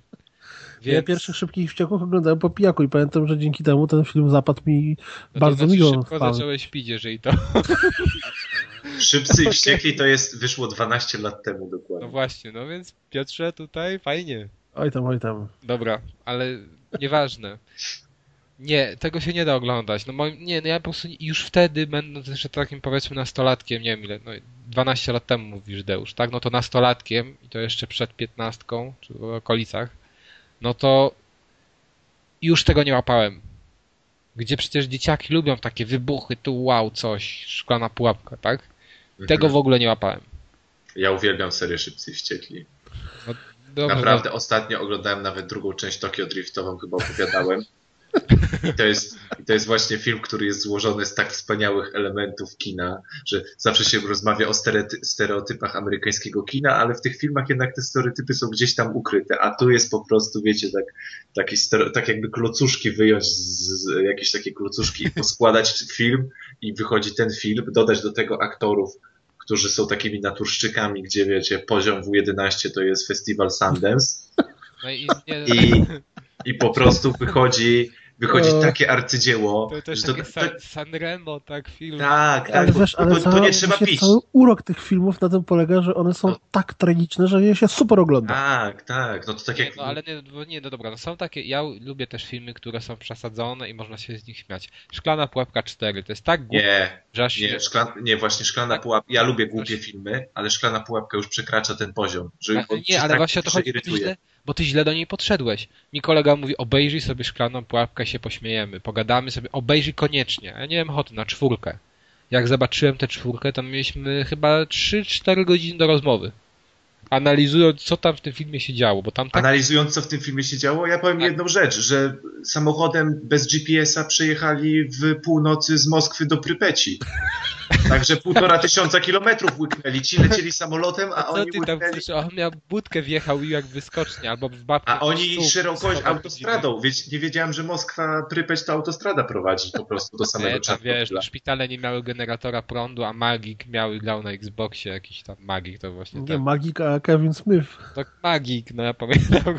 Pojęcie Amerykanów o Europie, a już w ogóle o Rosji, to jest, to jest nie, no ale wiesz, ale o to chodzi, że ten film był tak tragiczny, tak zły, ale śmieszny, a na przykład te Szybcy i Wścieki tacy mi się nie wydawali, a dobre, no może nie znam serii, może nie dorosły, no ale nie, jesteś, wiesz, bluźni, że takiej wspaniałej, cudownej serii, takiej klasyka światowego kina. Tak, no w każdym razie tak... Próbuj obejrzeć teraz, jak już jesteś dojrzały. W każdym razie, jakbyście odpalili Szybcy i Wściekli, ja polecam wam sobie zobaczyć pierwszy po prostu włączyć gameplay z tej gry i zobaczyć sam początek. Sam początek. To po prostu ona wgniata w ziemię. Naprawdę, ona wgniata w ziemię, bo czegoś takiego to ja dawno nie widziałem i no, jest powrót do przyszłości. Znaczy, no, parafrazując trochę tytuł tego filmu do przyszłości, powiedzmy do przeszłości, zupełnie. I ja poczułem się tak, po trochę jak w Mafii, w jedynce oczywiście, po trochę jak, po trochu jak w Midtown Madness, pamiętacie? O, Midtown Madness to było wspaniałe. Tak, no, no tak, tak. I po trochu jakbym grał w coś z PSX-a. To też, tak, po trochu, tak. Wszystko taki miksik i wychodzi ci Fast and Furious, nie? To Hmm. jest taki model, wiesz, że masz, bo tutaj się strzela. Jak strzelasz, to wiesz, to czy trafisz w kolesia w oko, czy trafisz w samochód, to ten sam strzał, tak? On traci energię, serduszko ma samochód nad tym i mu trochę z tego serduszka odchodzi. Jak mu serduszko padnie, to samochód wybucha. Ale tam się jeździ tylko samochodami, nie ma Ale- wysiadania. Ale w ogóle wiecie, jak ci kolesie... mm, mm, Znaczy, jest wysiadanie z samochodu, ale cały czas jesteś w ruchu. Ale skaczesz po samochodach też w pewnym momencie. To nie jest tak, że biegasz sobie po ulicy, tylko po samochodach skaczesz. Natomiast wiecie, co jest najlepsze? Miałem takie fajne zabawki kiedyś. Może mieliście taki, że no, no, policyjny samochód, który jechał i tak miał taką, na środku miał takie małe kółeczka, to się podnosiło i się obracało. No, tak, Ach, oczywiście. tak. oczywiście I tam- i tam To Tak się steruje w tej grze. Nie, i tam wystawali z okna tacy policjanci niby co strzelali, że były takie figurki wystające i tak do połowy ucięte. Nie, to takiego nie miałem. Kojarzycie to? Ja miałem tak, że z jednej i z drugiej strony wystawiała tak łeb, jedna ręka z spluwą i wiesz, statyczne. I tak właśnie, tak właśnie wyglądał, e, wyglądają ci te postacie, które strzelają do ciebie w tej grze. To wspomnienia z dzieciństwa się Tak. odzywają. Mówię ci, strzelasz, Nostalgia. strzelasz w pysk, strzelasz w oponę, strzelasz w szybę, auto, auto w ogóle nie reaguje, tylko pasek energii z serduszkiem mu spada i wybucha, jak już jest ostateczne. Natomiast sam model jazdy, no katastrofa, tak, tragedia, ale w ogóle ten coś, ci wściekli, tutaj wiesz, każdy samochód inny, każdy się inaczej prowadzi, z tym, że jedne, da, jeszcze jedne skręcają, inne nie. To jest ten problem, tak, że kiedyś wchodzisz, że wchodzisz w zakręt, to je, nie wiesz, czy on ci skręci. Bo jeden ci skręcał, a drugi już nie. I to tak wiesz, tak jedziesz, jedziesz, jedziesz, masz tę gałkę na hamę. Ja w pewnym momencie myślałem, że wyrwę gałkę, po prostu on mi nie chciał skręcać. A on ma taki promień skrętu żałosny, że ja nie wiem. A może to była jakaś misja, że ci na przykład zepsuli kierownicę Nie, i nie, układ nie, to nie sterowniczy. była taka- czy, a czy, to są patenty. czy to są licencjonowane samochody?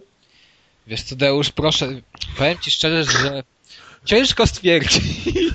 Już sobie odpaliłem jakiś poziomie gameplay i koleś widać. jedzie samochodem, który wygląda jakby to był jakiś taki przerobiony buggy, taki wiesz, piaskowy z... O Jezu, jak to wygląda absurdalnie. Oni tam jeżdżą normalnymi samochodami, czy tylko jakimiś takimi cudakami? Mm, Nie no, Słuchaj, no mówię ci, że ciężko stwierdzić, no to jeżdżą takimi normalnymi i też tudokami, tak? E, Bo czekaj, koleś ma taki samochód, że z przodu ma taką jakby wyskocznię i na każdy Tak, samochód, jest, który to najedzie, tam- przykład... Tak, ale to jest różnie. No jeżdżą a, też zwykle. ale jak to super wygląda, no ale panie, jaka, no słuchaj, wiesz jaka jest misja zajebista, po prostu wy, wy, jedziesz we dwójkę z kompanem, a nawet nie wiem czy jest multi, już teraz nie pamiętam. Jedziesz, jedziesz we dwójkę i tak, że startujesz, co się dzieje? I się okazuje, że przywiązujesz liną save i ten, nie wiem, podobno to, to jest tak, że elementy fabularne są wzięte ze wszystkich tych filmów, więc może był taki motyw, że wyrwali save i jechali z tym safe'em po ulicy Był. ciągniętym na linach. mm. I tu też, jakie to jest tragiczne. a Po czyli, prostu ale fabularnie się wszystko klei, mam nadzieję. no, klei się tak, że jest, że opowiadają sobie jakby takie dwie babki o tym, jak to, jak to przestępcy działali i pokazane są ich akcje, tak to się klei. Więc, Czyli mogliby to zrobić dowolną rzecz. No tak, Na bo to jest zasadzie, jakby a wtedy oni polecieli Tak, na tak. księżyc. No tak, dokładnie, bo to tak wygląda, bo to jest jakby streszczenie tych filmów, znaczy streszczenie, jakieś akcje podob, podobno z tych filmów wzięte. No i ym, jest na przykład ta misja z tym sejfem. Jest taka misja, że skacze się po jakichś ciężarówkach. No oczywiście to skakanie jest no, żałosne, tak. W ogóle powiedzmy sobie szczerze, ta gra mechaniką to wygląda jak takie słabe gry z PlayStation pierwszego, naprawdę. No graficznie to jest, no, no dajmy ten kredyt zaufania tak między PS2 PS, a PSX. Startowe na PS2, tak? Tak, no a mechanika to jest PSX. Dosłownie ja miałem często w ogóle, nie wiem, z takim Bondem mi się nawet to skarżyło. Bo tam są takie, e, nawet jest mie- mroźne miasto, znaczy mroźne miasto, znaczy chyba jakieś niemieckie miasto, już też teraz nie, no nie zwracałem uwagi, no wiesz, jedziesz tam, Mroźne lub niemieckie. no pokazują ci, no jakby taki zamek ale niemieckie, wiesz. No. Ja cały czas oglądam gameplay i naprawdę jestem pod ogromnym wrażeniem. No.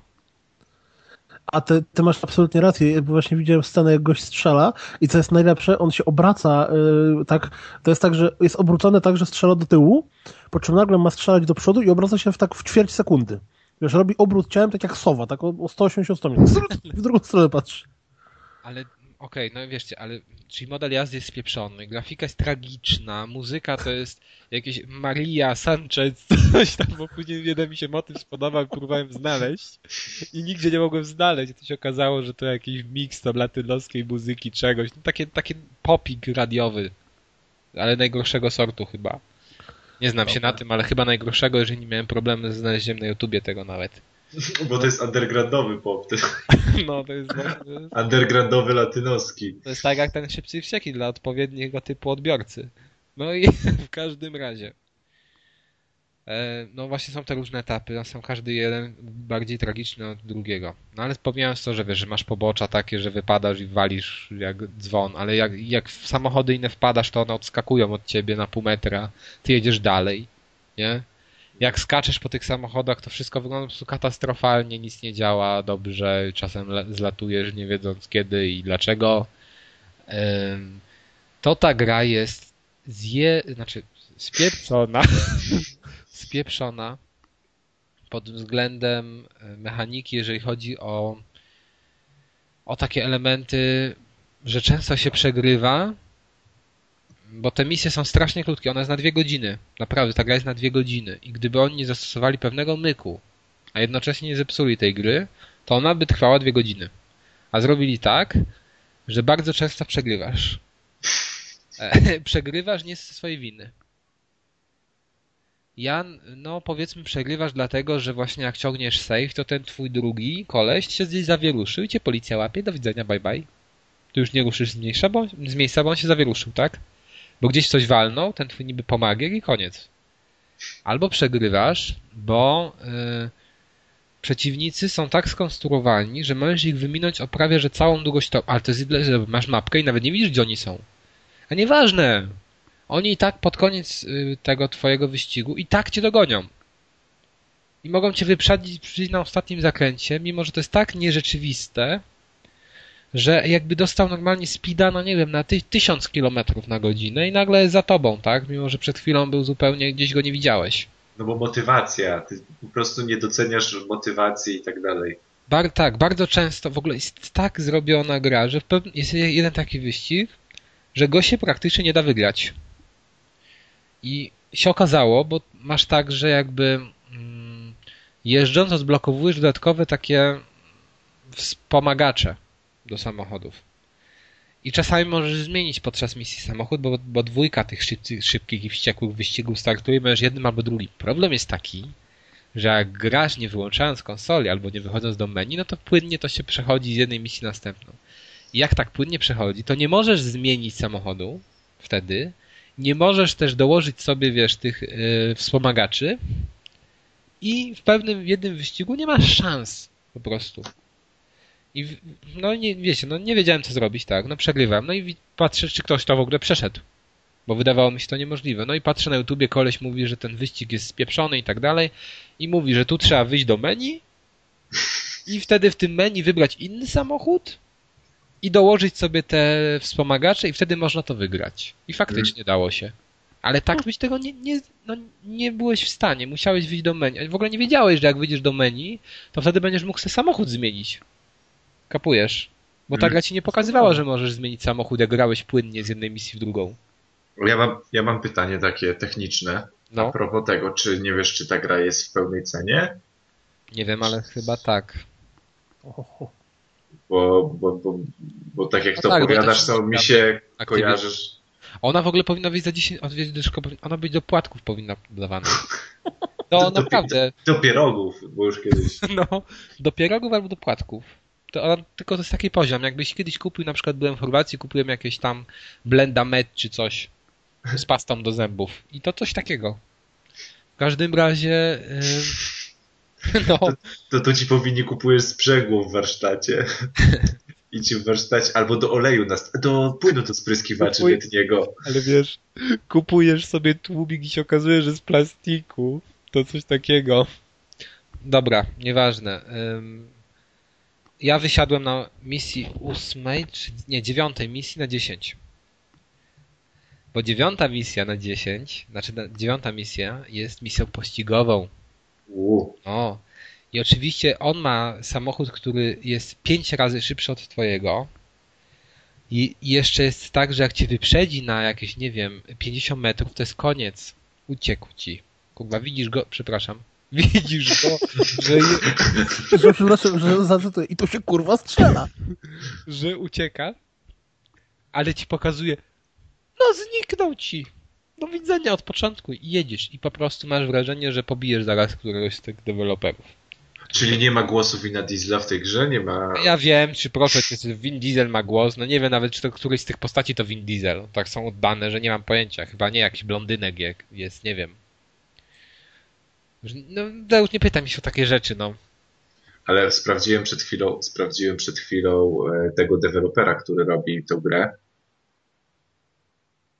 i, no. i, i, i zrobił fenomenalne gry pokroju port na Wii Need for Speed The Run, tudzież y, po, port, no. port Cars 2 na Nintendo DS. W ogóle zrobił tyle gier na Nintendo DS-a, same samochodówki na DS-a. I dlatego może jest taki poziom graficzny, bo nie no. im nie powiedzieli, że to ma wyjść nie na DS-a. No. A, a oni. Pomyliło im się. Tak, a oni rok w rok robili na DS-a, więc pojechali DS-em po prostu. Nie, ale no i w tej misji jeszcze wrócę do niej, no właśnie on ci ucieka, tak? I ty nie, no ja nie wiem jak to tam, to musisz mieć fuksa po prostu, musisz idealnie wręcz jechać. Musisz mieć szczęście, żeby w ogóle to przejść. I odpuściłem, zwyczajnie odpuściłem, jak nie któryś raz z kolei, to nie pierwszy, drugi, tylko dalej y, nie udało mi się tego przejść.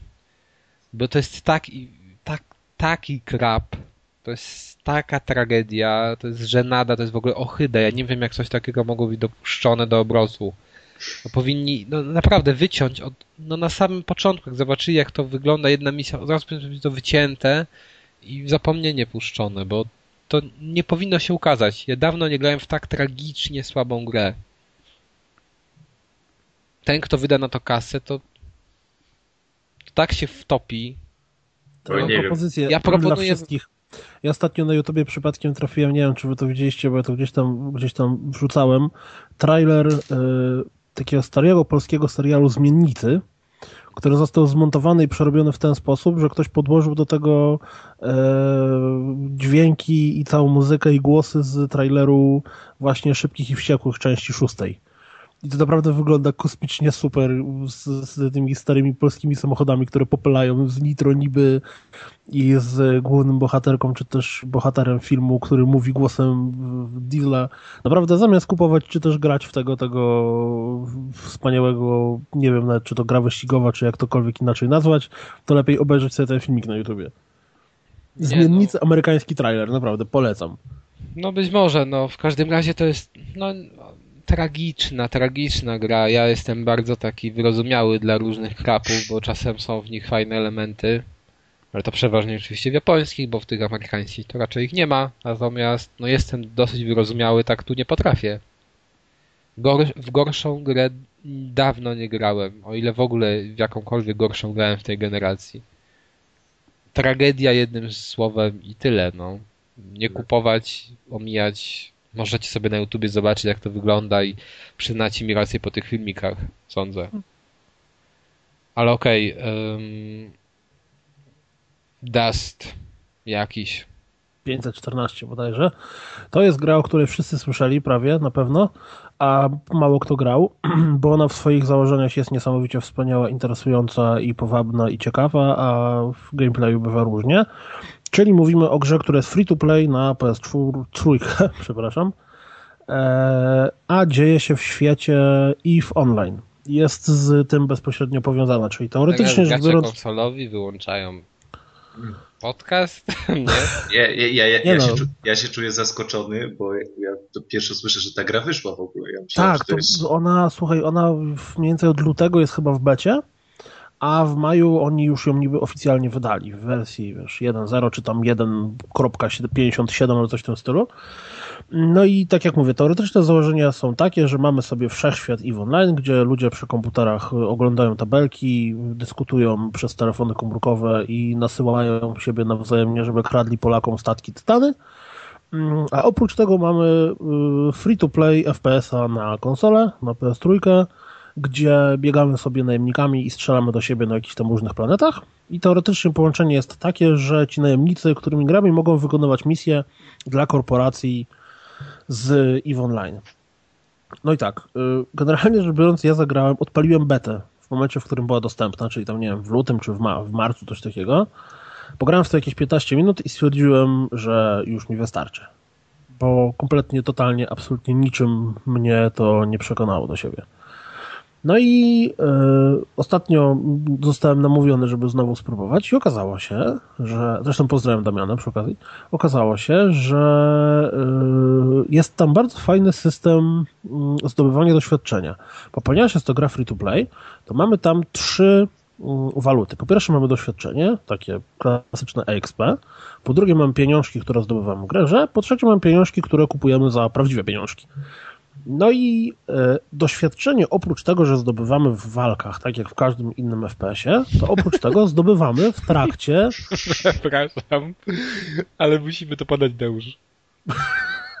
to teraz breaking news. Deusz, no proszę, proszę bardzo. Czyń powinno. Nie, bo się nie mogłem powstrzymać, bo w internecie natrafiłem na arcyważną wiadomość, że Olaf, Lub... że, że Olaf Lubaszenko waży już 135 kg. Breaking news. Breaking news. No. I myślę, że kiedy tutaj zalewa Dolny Śląsk i nie tylko Dolny i są podtopienia i tak dalej, wszyscy czekają na lato i jest E3, to myślę, że taka wiadomość po prostu musimy, musimy nieść kaganek oświaty. Tak, bo to zginie. Nie? O Jezu. Ale okay. słuchaj, to ja sądzę, że w żadnym growym podcaście tego nie będzie. No, Exclusive. Wiesz, po, po, powiem ci, ktoś musi wyznaczać trendy, że tak zacytuję. No, uważaj, jeszcze będą nam klaskać jak Sony wczoraj. Wiesz. No, y, kontynuując, co jest najważniejsze i najciekawsze, że w momencie, w którym nie gramy, nasza postać tak czy siak zdobywa doświadczenie. O proszę. Dokładniej to... bodajże jeden punkt EXP na 3 sekundy. No i Je... teraz na czym polega myk? Ponieważ ja, jak była beta, odpaliłem i pograłem w to 10 minut. To teraz wchodzisz i jesteś najlepszy. Którym, słuchaj, w momencie, w którym odpaliłem tą grę tam kilka dni temu, mm, wchodzę w swoją postać, patrzę, mam 4 miliony punktów doświadczenia do rozbicia I to jest naprawdę super motyw, bo odpalasz Szkoda, tą tak z ćwiczeniem nie, są, nie jest. Olewasz ją na jakieś wiesz, pół roku ze skillem, nie? Olewasz ją na jakieś pół roku, po czym za pół roku nagle okazuje się, że masz po prostu tony mm, punktów doświadczenia do Jest do czego wracać. I, no dokładnie i wiesz, ja teraz tak jak wtedy nie do końca miałem jakąś ochotę w to grać, to teraz jak okazało się, że tu mam tyle doświadczenia, mogę sobie odblokować skille, zbudować postać w ogóle nie wiadomo co, to od razu mam większą ochotę w to grać. Ale Ponieważ to jak... jest to za darmo, to się sobie mm, wyobraź, jakbyś, jak, jak następnym razem to za 5 lat odpalisz. Prawda? To dopiero, o panie. A jeszcze będzie przeskok generacyjny, to się przełoży, wiesz, na milion punktów dodatkowych, czy miliard. tak.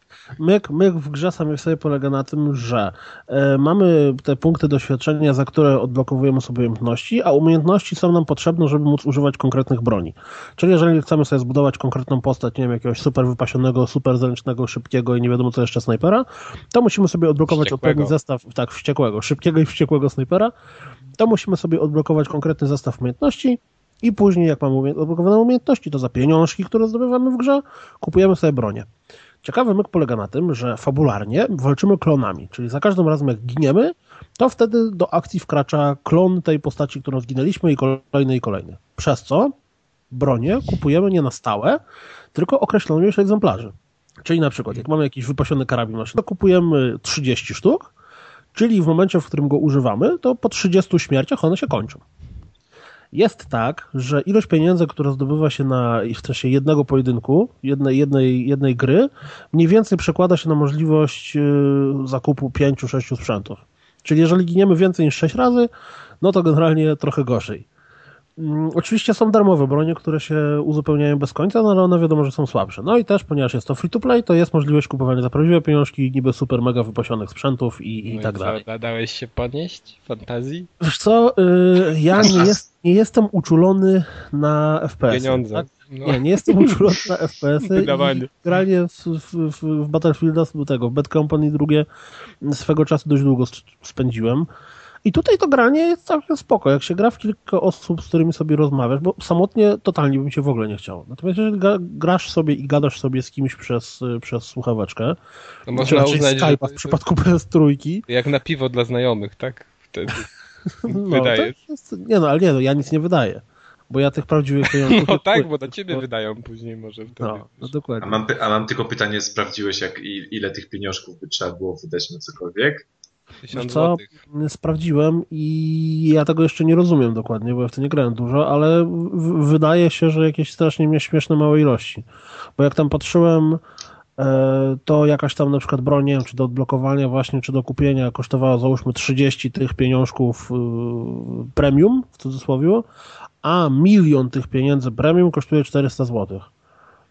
Mm, Czyli 30 to są jakieś, wiesz, groszowe sprawy. No ale tak czy siak, jak ktoś nie chce, to w ogóle nie, nie, Tak, ale nie żeby, ma... żeby wydać, to musi najpierw te 400 zł, 400 zł kupić sobie Nie, nie, nie, nie, nie. Są, wiadomo, jak zawsze w tym przypadku są jakieś tam paki starterowe i tam jakieś małe paczki po tysiąc tych y, złotych monet, coś tam. No nieważne. Generalnie w ogóle można to olać, Miliony monet. mieć to wrąbane Nie, i, i tyle. Natomiast ponieważ gra jest za darmo, warto odpalić, potem odpalić za jakieś dwa miesiące, zobaczyć ile punkcików się nazbiera i wtedy można sobie zbudować postać i grać.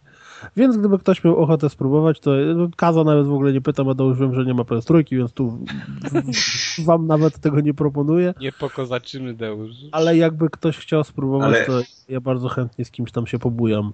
Ej, może ja wam, może, może ja wam podam tego swojego, e, swój profil ID i hasło do konta na PlayStation i wy mi na swoje, i wy mi na swoich PS3 odpalicie, to jak ja kiedyś za parę lat kupię PS4 i sobie odpalę, to już tam będę najlepszy na serwerze. Będziesz bogiem bogów, tak?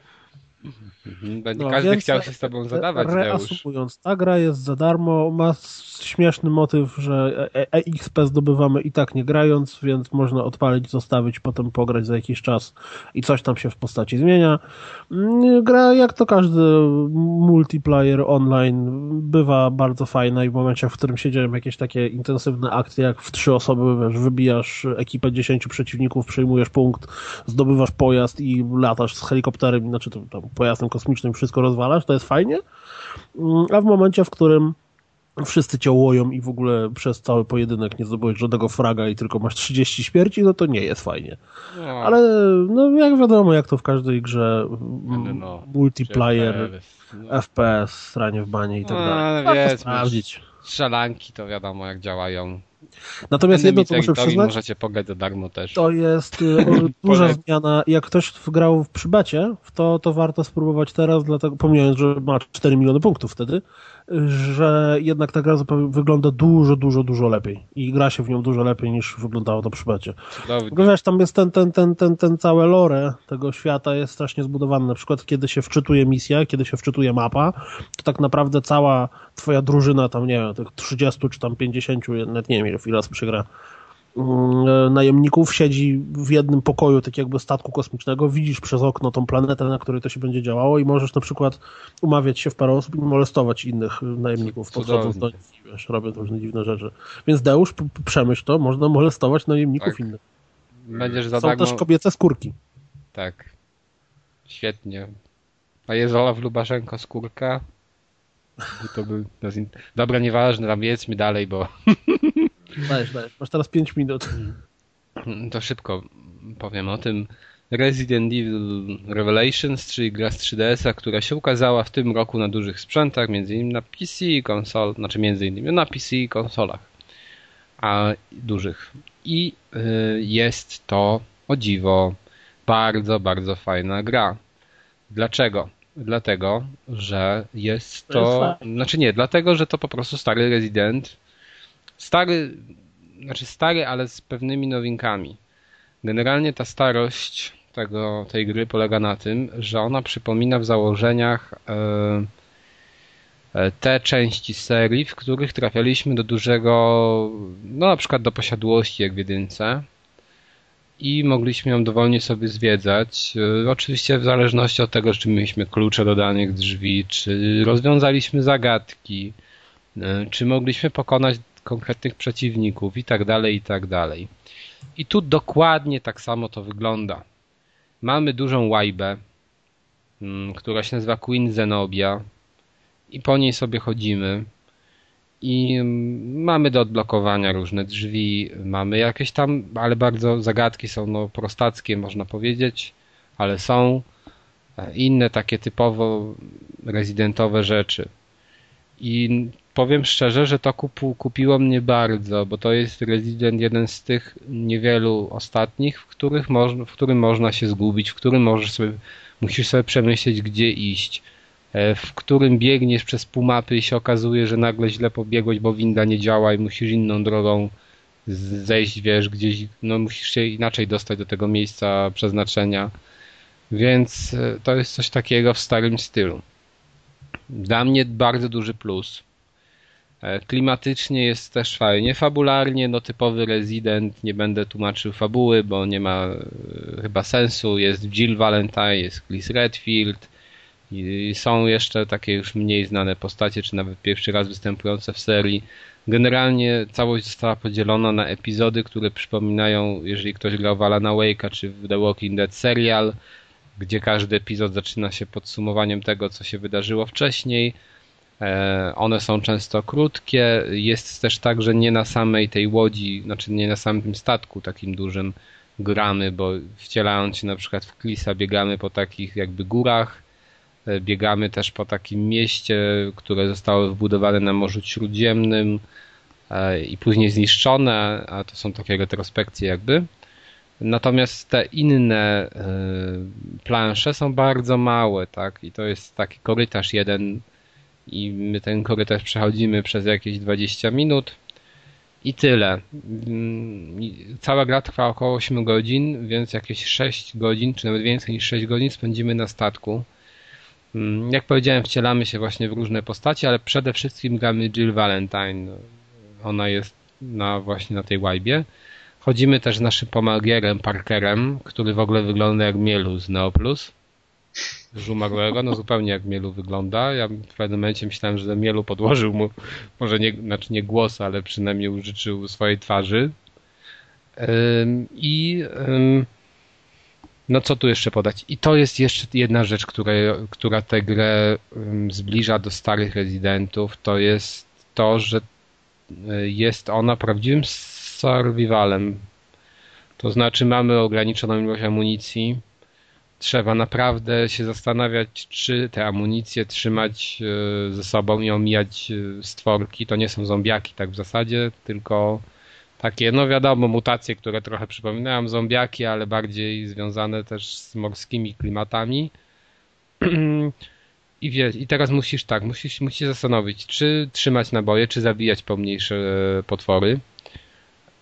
bo bardzo często i gęsto tego później się okazuje, że naboi nam brakuje. Czy przy walce z bossem, czy z pomniejszymi takimi bossami. A walki z bossami to jest kolejny uśmiech w stronę ludzi, którzy grali w stare rezydenty. Bo są trudne, wkurzające, ciężko się manewruje postacią i ciężko unikać ataków. Trzeba w nich tonę wpakować i tak dalej. Um, mnie akurat ten to motyw się podobał, że cały czas się zastanawiałem, czy mi starczy, tak? Można powiedzieć, czy i czasami kończyło się tak, że zabijałem jakieś osobniki nożem. E... To też było fajne, bo to wprowadzało faktycznie taki klimat tego, tej niepewności, czy, czy jeżeli nie wybiegnie mi jakiś za rogu e, zombiak, ala zombiak, to czy po prostu przetrwam, tak? Jak miałem dwa naboje, to wiedziałem, że mogę tylko nożem sobie poradzić. E, trzeba szukać broni, bo nie jest tak, że bronie są. E, dostajemy nagle broń od kogoś, czy znajdujemy ją na naszej drodze. One są ukryte. Na przykład jedna broń jest w takim miejscu, do którego w ogóle nas fabuła nie zaprowadza, a bez tej broni jesteśmy, no, że tak powiem, udupieni. To jak Później, w Residentach. Tak, jest też taka broń, że po prostu trzeba, że znajdujemy w pewnym momencie coś, żeby ją odblokować i teraz musimy pamiętać, wrócić się do tego pokoju, w którym ona była, włożyć to coś do szufladki i wtedy nam broń wyskoczy. Jeżeli tego jest? nie zrobimy, to co? Jeżeli co tego... trzeba włożyć? No nie, taki medal jakby. No i Stara sprawa. Tak, i generalnie, jeżeli tego nie zrobimy, to zostaniemy z jedną spluwą czy z dwoma i nie mamy szans, bo naboje na przykład zbieramy, ich jest bardzo mało i czasem masz, że zbierzesz naboje do karabinu, a masz tylko pistolet ze sobą i do widzenia, tak? I już nie masz naboi do pistoletu, masz zero i nożyk, albo nożykiem ciachasz, gdzie nie masz na dłuższą metę szans, albo się cofasz i szukasz tej broni. Do, na, na przykład, jeżeli znajdujesz naboje do karabinu, to szukasz karabinu. E, natomiast coś jest, co jest nowego w tej grze, to to, że ona można chodzić i strzelać, natomiast sterowanie jest bardzo, przy, no właśnie tutaj jest, tak wychodzi ta 3DS-owość trochę tego.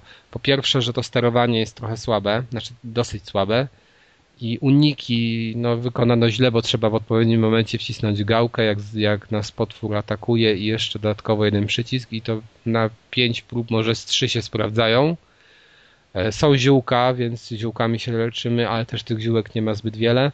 Jeżeli chodzi o zapis e, stanu gry, to jest automatyczny zapis i to jest dobre. I dlatego nie ma takich momentów, gdzie naprawdę byśmy się kawał cofali. Jest też podział na sekwencje, jak to w starych rezydentach, że było wczytywanie i tu też jest tak, że drzwi jakieś tam potrafią się otwierać chwilę, czy też, że jest po prostu ekran wczyty, wczytuje E, co jest słabe i w dużej mierze pewnie no, wynika z tego, że ta gra została robiona na 3DS-a. Klimatem jest fajnie, ale to nie jest horror, który was przestraszy. Przynajmniej ja tak miałem, że mogłem sobie grać w niego w nocy, nie miałem z tym problemu. Co dalej? Powiedzmy sobie jeszcze tak.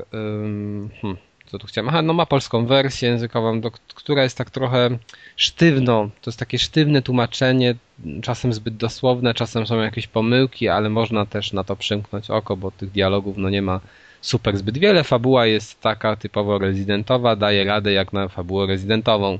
Jest, są twisty, są takie postacie, że od razu widzisz, że on będzie zły tak już po twarzy, ale ten dobry po twarzy, no i tak dalej. Prawie jak w L.A. Noir. No, są też tacy, że jest dobry, później się robi zły, a później znowu się staje dobry i później znowu się staje zły. Bo się okazuje, że, że ich wszystkich oszukał, nie? tu z tym, tu z tamtym, ale na koniec się okazało, że jest wszystkim innym. E, natomiast jest to bardzo, bardzo dobra gra. Ogólnie się świetnie przy niej bawiłem. E, mimo, że mechanika no, jest koślawa, tak to można chyba najlepiej określić, i to bieganie jest no, no strzelanie, wiecie, no na dwie gałki jest ok, natomiast to omijanie zombiaków jest często złe, ta kamera się czasem źle ustawi. Um, nawet są takie momenty szybsze, że pływa się pod wodą, że ucieka się przed czymś masz określony czas, żeby gdzieś dobiec. Takie momenty akcji znane już chyba bardziej z tych nowszych rezydentów. Um, no ta postać nie jest jak czołg, nie? Tylko normalnie nią chodzisz. To też jest coś nowego. Jest to naprawdę solidny, bardzo solidny tytuł i ja uważam, że gdyby go dopieścić odpowiednio, poprawić grafikę, bo grafika no widać, że to jest 3DS, natomiast pokazuje to moim zdaniem, że 3DS ma sobie dużo mocy, bo ta grafika nie odstrasza, no ale widać tak, że to jest takie ala PS2 trochę lepsze, tak. No, ale jest okej. Okay. Jeżeli jest ktoś okay. jest zawiedziony po szóstym rezydencie, to powinien kupić tego. Oj, oczywiście, że powinien, bo to tylko, że ja sądzę, że to jest y, tak żałosna praktyka wydawanie tego w pełnej cenie, że powinien ten ktoś poczekać do, do tego, aż stanie do stówy i wtedy za to się brać. Natomiast uważam, że to jest naprawdę świetny rezydent i ja sądzę, że właśnie gdyby ją dopieścić, gdyby pewne elementy zmienić czy usprawnić, to byłby hit na miarę naszych czasów duży, no po prostu hit. A tak jest bardzo dobra gra. W tym kierunku właśnie powinny iść rezydenty. Tak ona jest tańsza, wrażenie. Nie? nie, ona nie jest tam 199 czy 179. No, e, więc e, warto. Tym bardziej, że jest online jeszcze i to jest na sam koniec. Jest online i ten online jest koopem e, na dwie osoby. Koopem? Tak, w którym przechodzimy jakby fragmenty już znanych plansz przy czym zabijamy, zabijamy no, potworki, które są różnymi wersjami alternatywnymi tych, które znamy. Musimy też na przykład jakiś klucz znaleźć, z tym kluczem wrócić gdzieś w odpowiednie miejsce. Z tym, że w tym wypadku akurat są jest pokazywany pasek życia tych potworów, no i trochę tam zmieniono zasady. Nie ma takiego czegoś jak w singlu, że mamy skaner i szukamy na przykład ukrytych naboi, tu tego nie ma. E, ale powiem szczerze, pograłem niezbyt długo w multi, ale chwilę. I ta chwila wystarczyła na to, żeby stwierdzić, że gdybym miał jakiegoś znajomego, który ma tę grę, to bardzo, bardzo chętnie bym z nim pograł online. Zwyczajnie mi się to spodobało. Tylko wiecie, no granie z jakimś randomem, jeszcze bez headseta, bo nawet mi się nie chciało szukać headseta, to tam będę grał na headsetie. No, co, nie, co bez tragiczno, gadał, nie? Powiedzmy sobie, że tragiczny jest ten headset ja nienawidzę na nim grać, bo mam ten zwykły, stary. Czyli musisz, jak z kimś zaczynasz rozmawiać, wysłać mu swojego Skype'a, ID ze Skype'a, Skype'a no. z randomem z internetu i gadać z randomem z internetem przez Skype'a. To jest pomysł. No tutaj. właśnie, dlatego ja czekam, aż ktoś znajomy to kupi i wtedy sobie pogramy i bardzo, bardzo chętnie, Jezus, powtarzam się bardzo, bardzo, będę z nim, znaczy z nim sobie w to zagram, bo zwyczajnie mi się podoba ten online. Dzisiaj z reguły mi się nie podobają te elementy, tak tu mi się to wszystko widzi. Jest odblokowywanie broni nowych, um, pomaganie sobie jest jakieś tam... tofu? Nie wiem, czy jest tofu. Dlaczego? No jak to? W Rezydencie drugim chyba była postać, która była takim bryłą serka tofu. Nie wiem. Miała tylko nóż. E, nie wiem, akurat ja właśnie w drugiego nie, nie grałem. Ja grałem w jedynkę, w trójkę, w Code w czwórkę, w piątkę. No, dobra. Okej. Okay. Polecam, polecam bardzo serdecznie, polecam, jeżeli ktoś lubił kiedyś Rezydenty stare, to zwyczajnie powinien, powinien w to zagrać. Nie ma, no, nie ma chyba żadnych przeciwko temu czynników. Natomiast jeżeli ktoś nie lubił rezydentów, to też nie ma po co sięgać. E... I tak mu się nie spodoba i powinien się każdy nastawić na to, że to jest jednak survival, czyli że trzeba mm, oszczędzać naboje i trzeba rozważnie podchodzić do starć.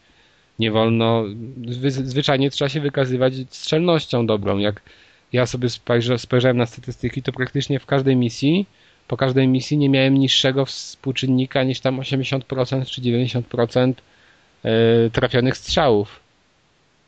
Bo tu się nie opłaca nie trafiać. Zwyczajnie. I to jest fajne w tej grze. Dlatego polecam. I tak sobie kończymy ten, tę część y, dotyczącą gier. Przechodzimy do kącika kulturalnego i ponownie jest z nami Tomek, którego nie było w sekcji gier, ale to dzięki magii internetu znowu jest z nami.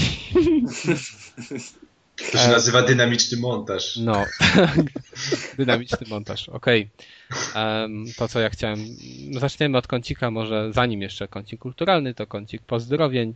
I ja tutaj miałem pozdrowić Tomasza Durelskiego, który napisał, że po, prosi o pozdrowienia od króla podcastów. To ja. Nowo mianowany, jak to było.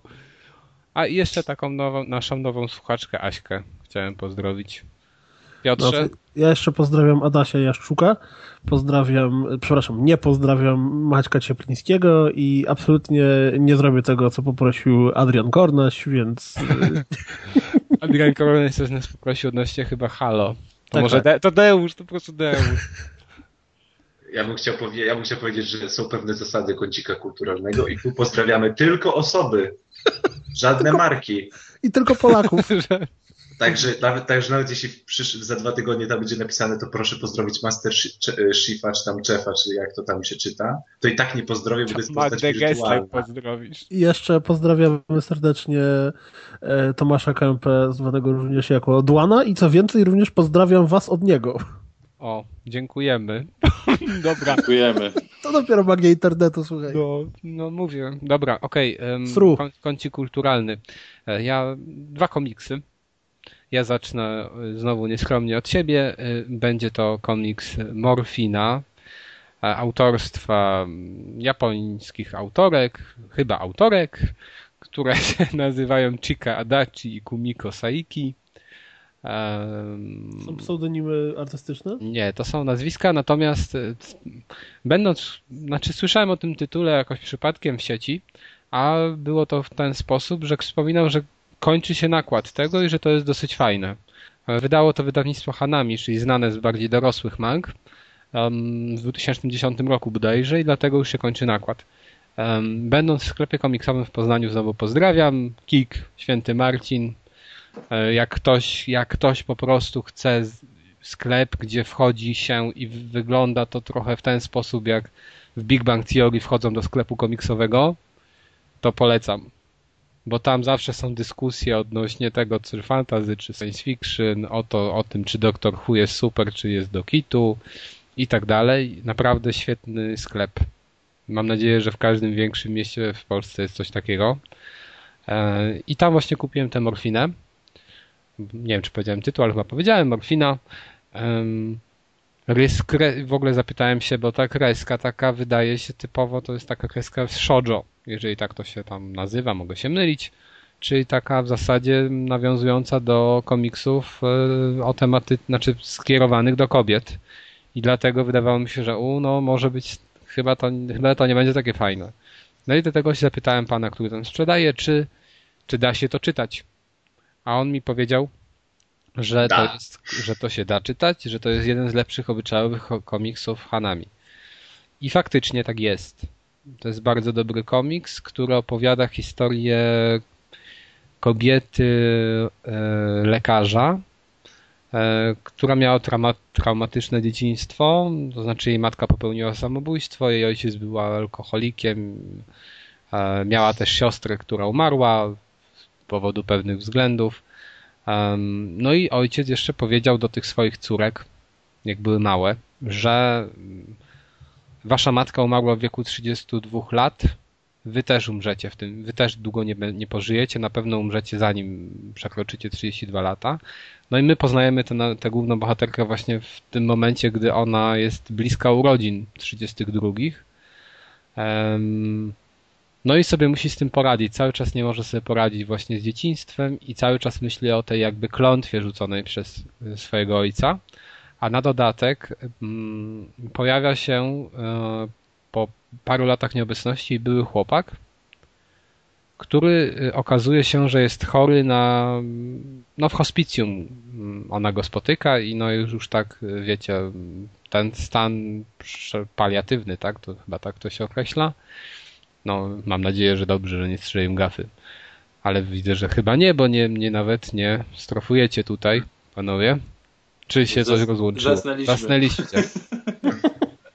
Ach, nie, wiesz co, ja wpisałem w Google Grafika mm, to nazwiska e, pani autorek i Google Grafika różne dziwne rzeczy wypluwa. No dobra. I, no okej, okay, nieważne. W każdym razie tam właśnie ona poznaje tego swojego, znaczy y, spotyka tego byłego chłopaka i też jakby zaczyna się martwić tym jego stanem i tak dalej i on tam zaczyna z nią bardziej rozmawiać i no i zaczyna się w zasadzie akcja tego komiksu.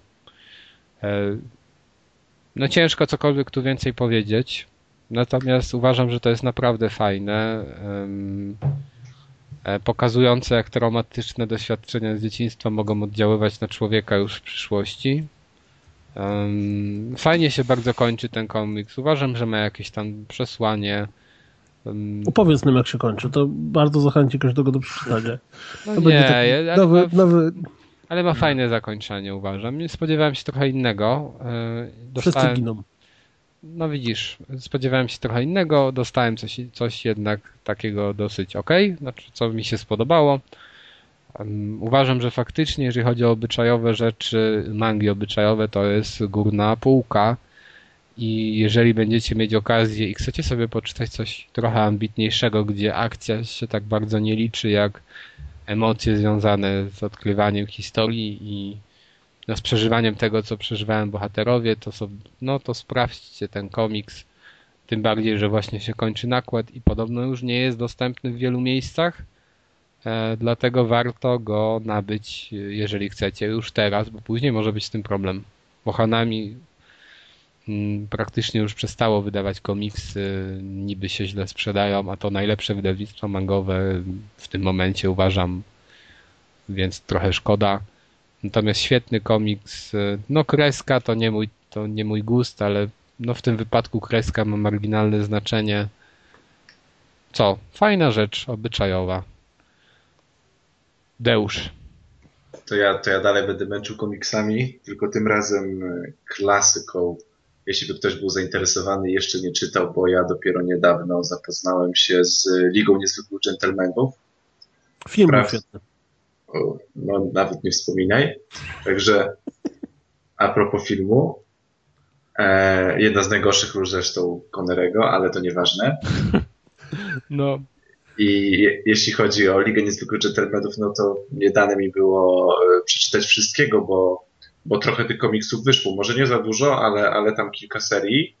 Natomiast e, ja jakby przeczytałem tą najbardziej znaną i najbardziej dostępną, zresztą ona jest dostępna i na polskim rynku i, i jest dość tania, jeśli ktoś chce mm, kupić angielską edycję na przykład na Amazonie, to jest Liga Niezwykłych Gentlemanów e, stulecie po polsku, czyli The Century w, w angielskim wydaniu. I jakby cały koncept, który sobie Alan Moore wymyślił, to to taki typowo komiksowy, typowo komiksowy pomysł na zebranie superbohaterów, którzy będą walczyli ze złem. Tylko w tym przypadku super, ty, tą naszą drużyną superbohaterów są głównie postacie z zetowej literatury. Czyli w różnych częściach pojawiają się tam kapitan Nemo, e, pojawia się mm, Mina, e, jedna z bohaterek i, i, i, jak wyczytałem to jest, bo nie wiedziałem, to była e, jedna z kochani z Drakuli i, i wiele jest takich właśnie nawiązań. Każda postać gdzieś tam się pojawiła wcześniej w literaturze, w mniej, mniej lub bardziej, e, mniej lub bardziej znanych powieściach. I wszystko to jest właśnie osadzone, e, osadzone w takim klimacie powieści przygodowych. I komiks się składa z jakby z, z trzech części, z trzech rozdziałów. Pierwsza się dzieje w 1910 roku, druga się dzieje w 1969 i, i zamknięcie komiksu to jest 2009 rok. E, wszystko się kręci obok, mm, obok jednego jakby z głównego złego hadu, który, e, który próbuje na świat, można powiedzieć na świat sprowadzić Moonchild. E, czytałem po angielsku komiks, więc ciężko mi jest powiedzieć, jak to może przetłumaczyć. Nie wiem, dziecko dziecko zła, dziecko, dzie, dziecko jakieś szatana, ale to bardziej jakby kontekst jest, no, próbuje wyprodukować dziecko, które zawładnie wszechświatem, także po prostu nasza grupa bohaterów e, próbuje temu zapobiec. No. I, i, I komiks nie jest długi, bo, bo, bo te trzy, każda z części ma kilkadziesiąt stron, 50, 50, 80 stron, ma jedna część i upchnięte mamy strasznie dużo informacji.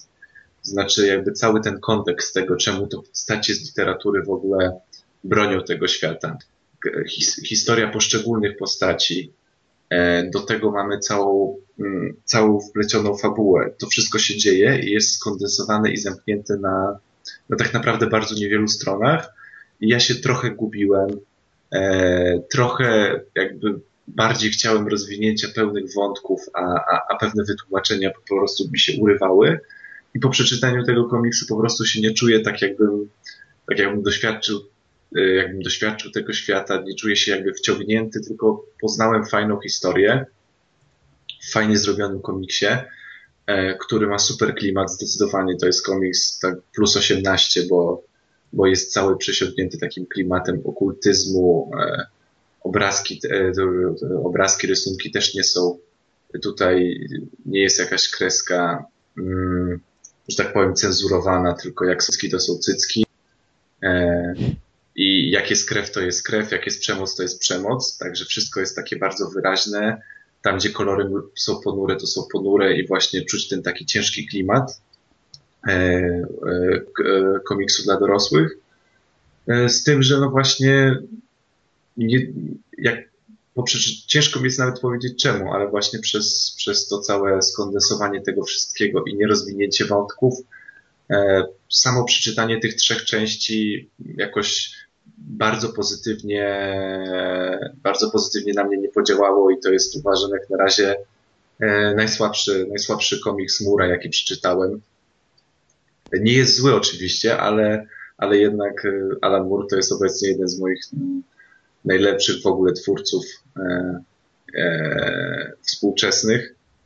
I, Dałóż złota kable się przegrzewają. Dlaczego? Ja słyszę dobrze. No bo przerywa, tak? O Jezu, to tylko u mnie. A, to moje. Tylko u ciebie. Cholera. Twoje łącze nie słucha kącika kulturalnego. No bo ja taki ham jestem straszny. No. Zero Nie, to już, to, to, już szyb, to już szybko dokończę. Jeśli ktoś chce zaczynać od mura, e, to ja bym, to ja bym polecił inne komiksy, natomiast może, może jakby moje niezrozumienie dla, dla tej Ligi Niezwykłych Dżentelmenów wynika z tego, że powinienem się zapoznać jakby z innymi albo ze wszystkimi komiksami i, i wtedy jakiś bym miał większy ogląd na ten świat i ten koncept, a tak, a tak po, po, po zapoznaniu się tylko z tymi trzema, z tym całym tym ciągiem stulecie, z tymi trzema komiksami jakoś, jakoś nie jestem mega zachwycony, także, Okej. także tyle. To co panowie, kończymy dzisiejszy Wypadałoby. odcinek, który w bólach powstawał. Znaczy w bólach może takich montażowych. Czasoprzestrzennych bólach. Mm. Okej, pewnie w następnym będzie więcej humoru. Bo Maciek się będzie śmiał, to wiesz, będzie nadawał rytm, rytm śmiechu naszym rozmowom. Dokładnie. Dziękujemy Tomku za odwiedziny. Zapraszamy Dziękujemy. częściej Ja do nas. dziękuję. Było miło jak zwykle. Może nie przynudzałem. Okej, do usłyszenia w następnym odcinku. Na razie. Cześć.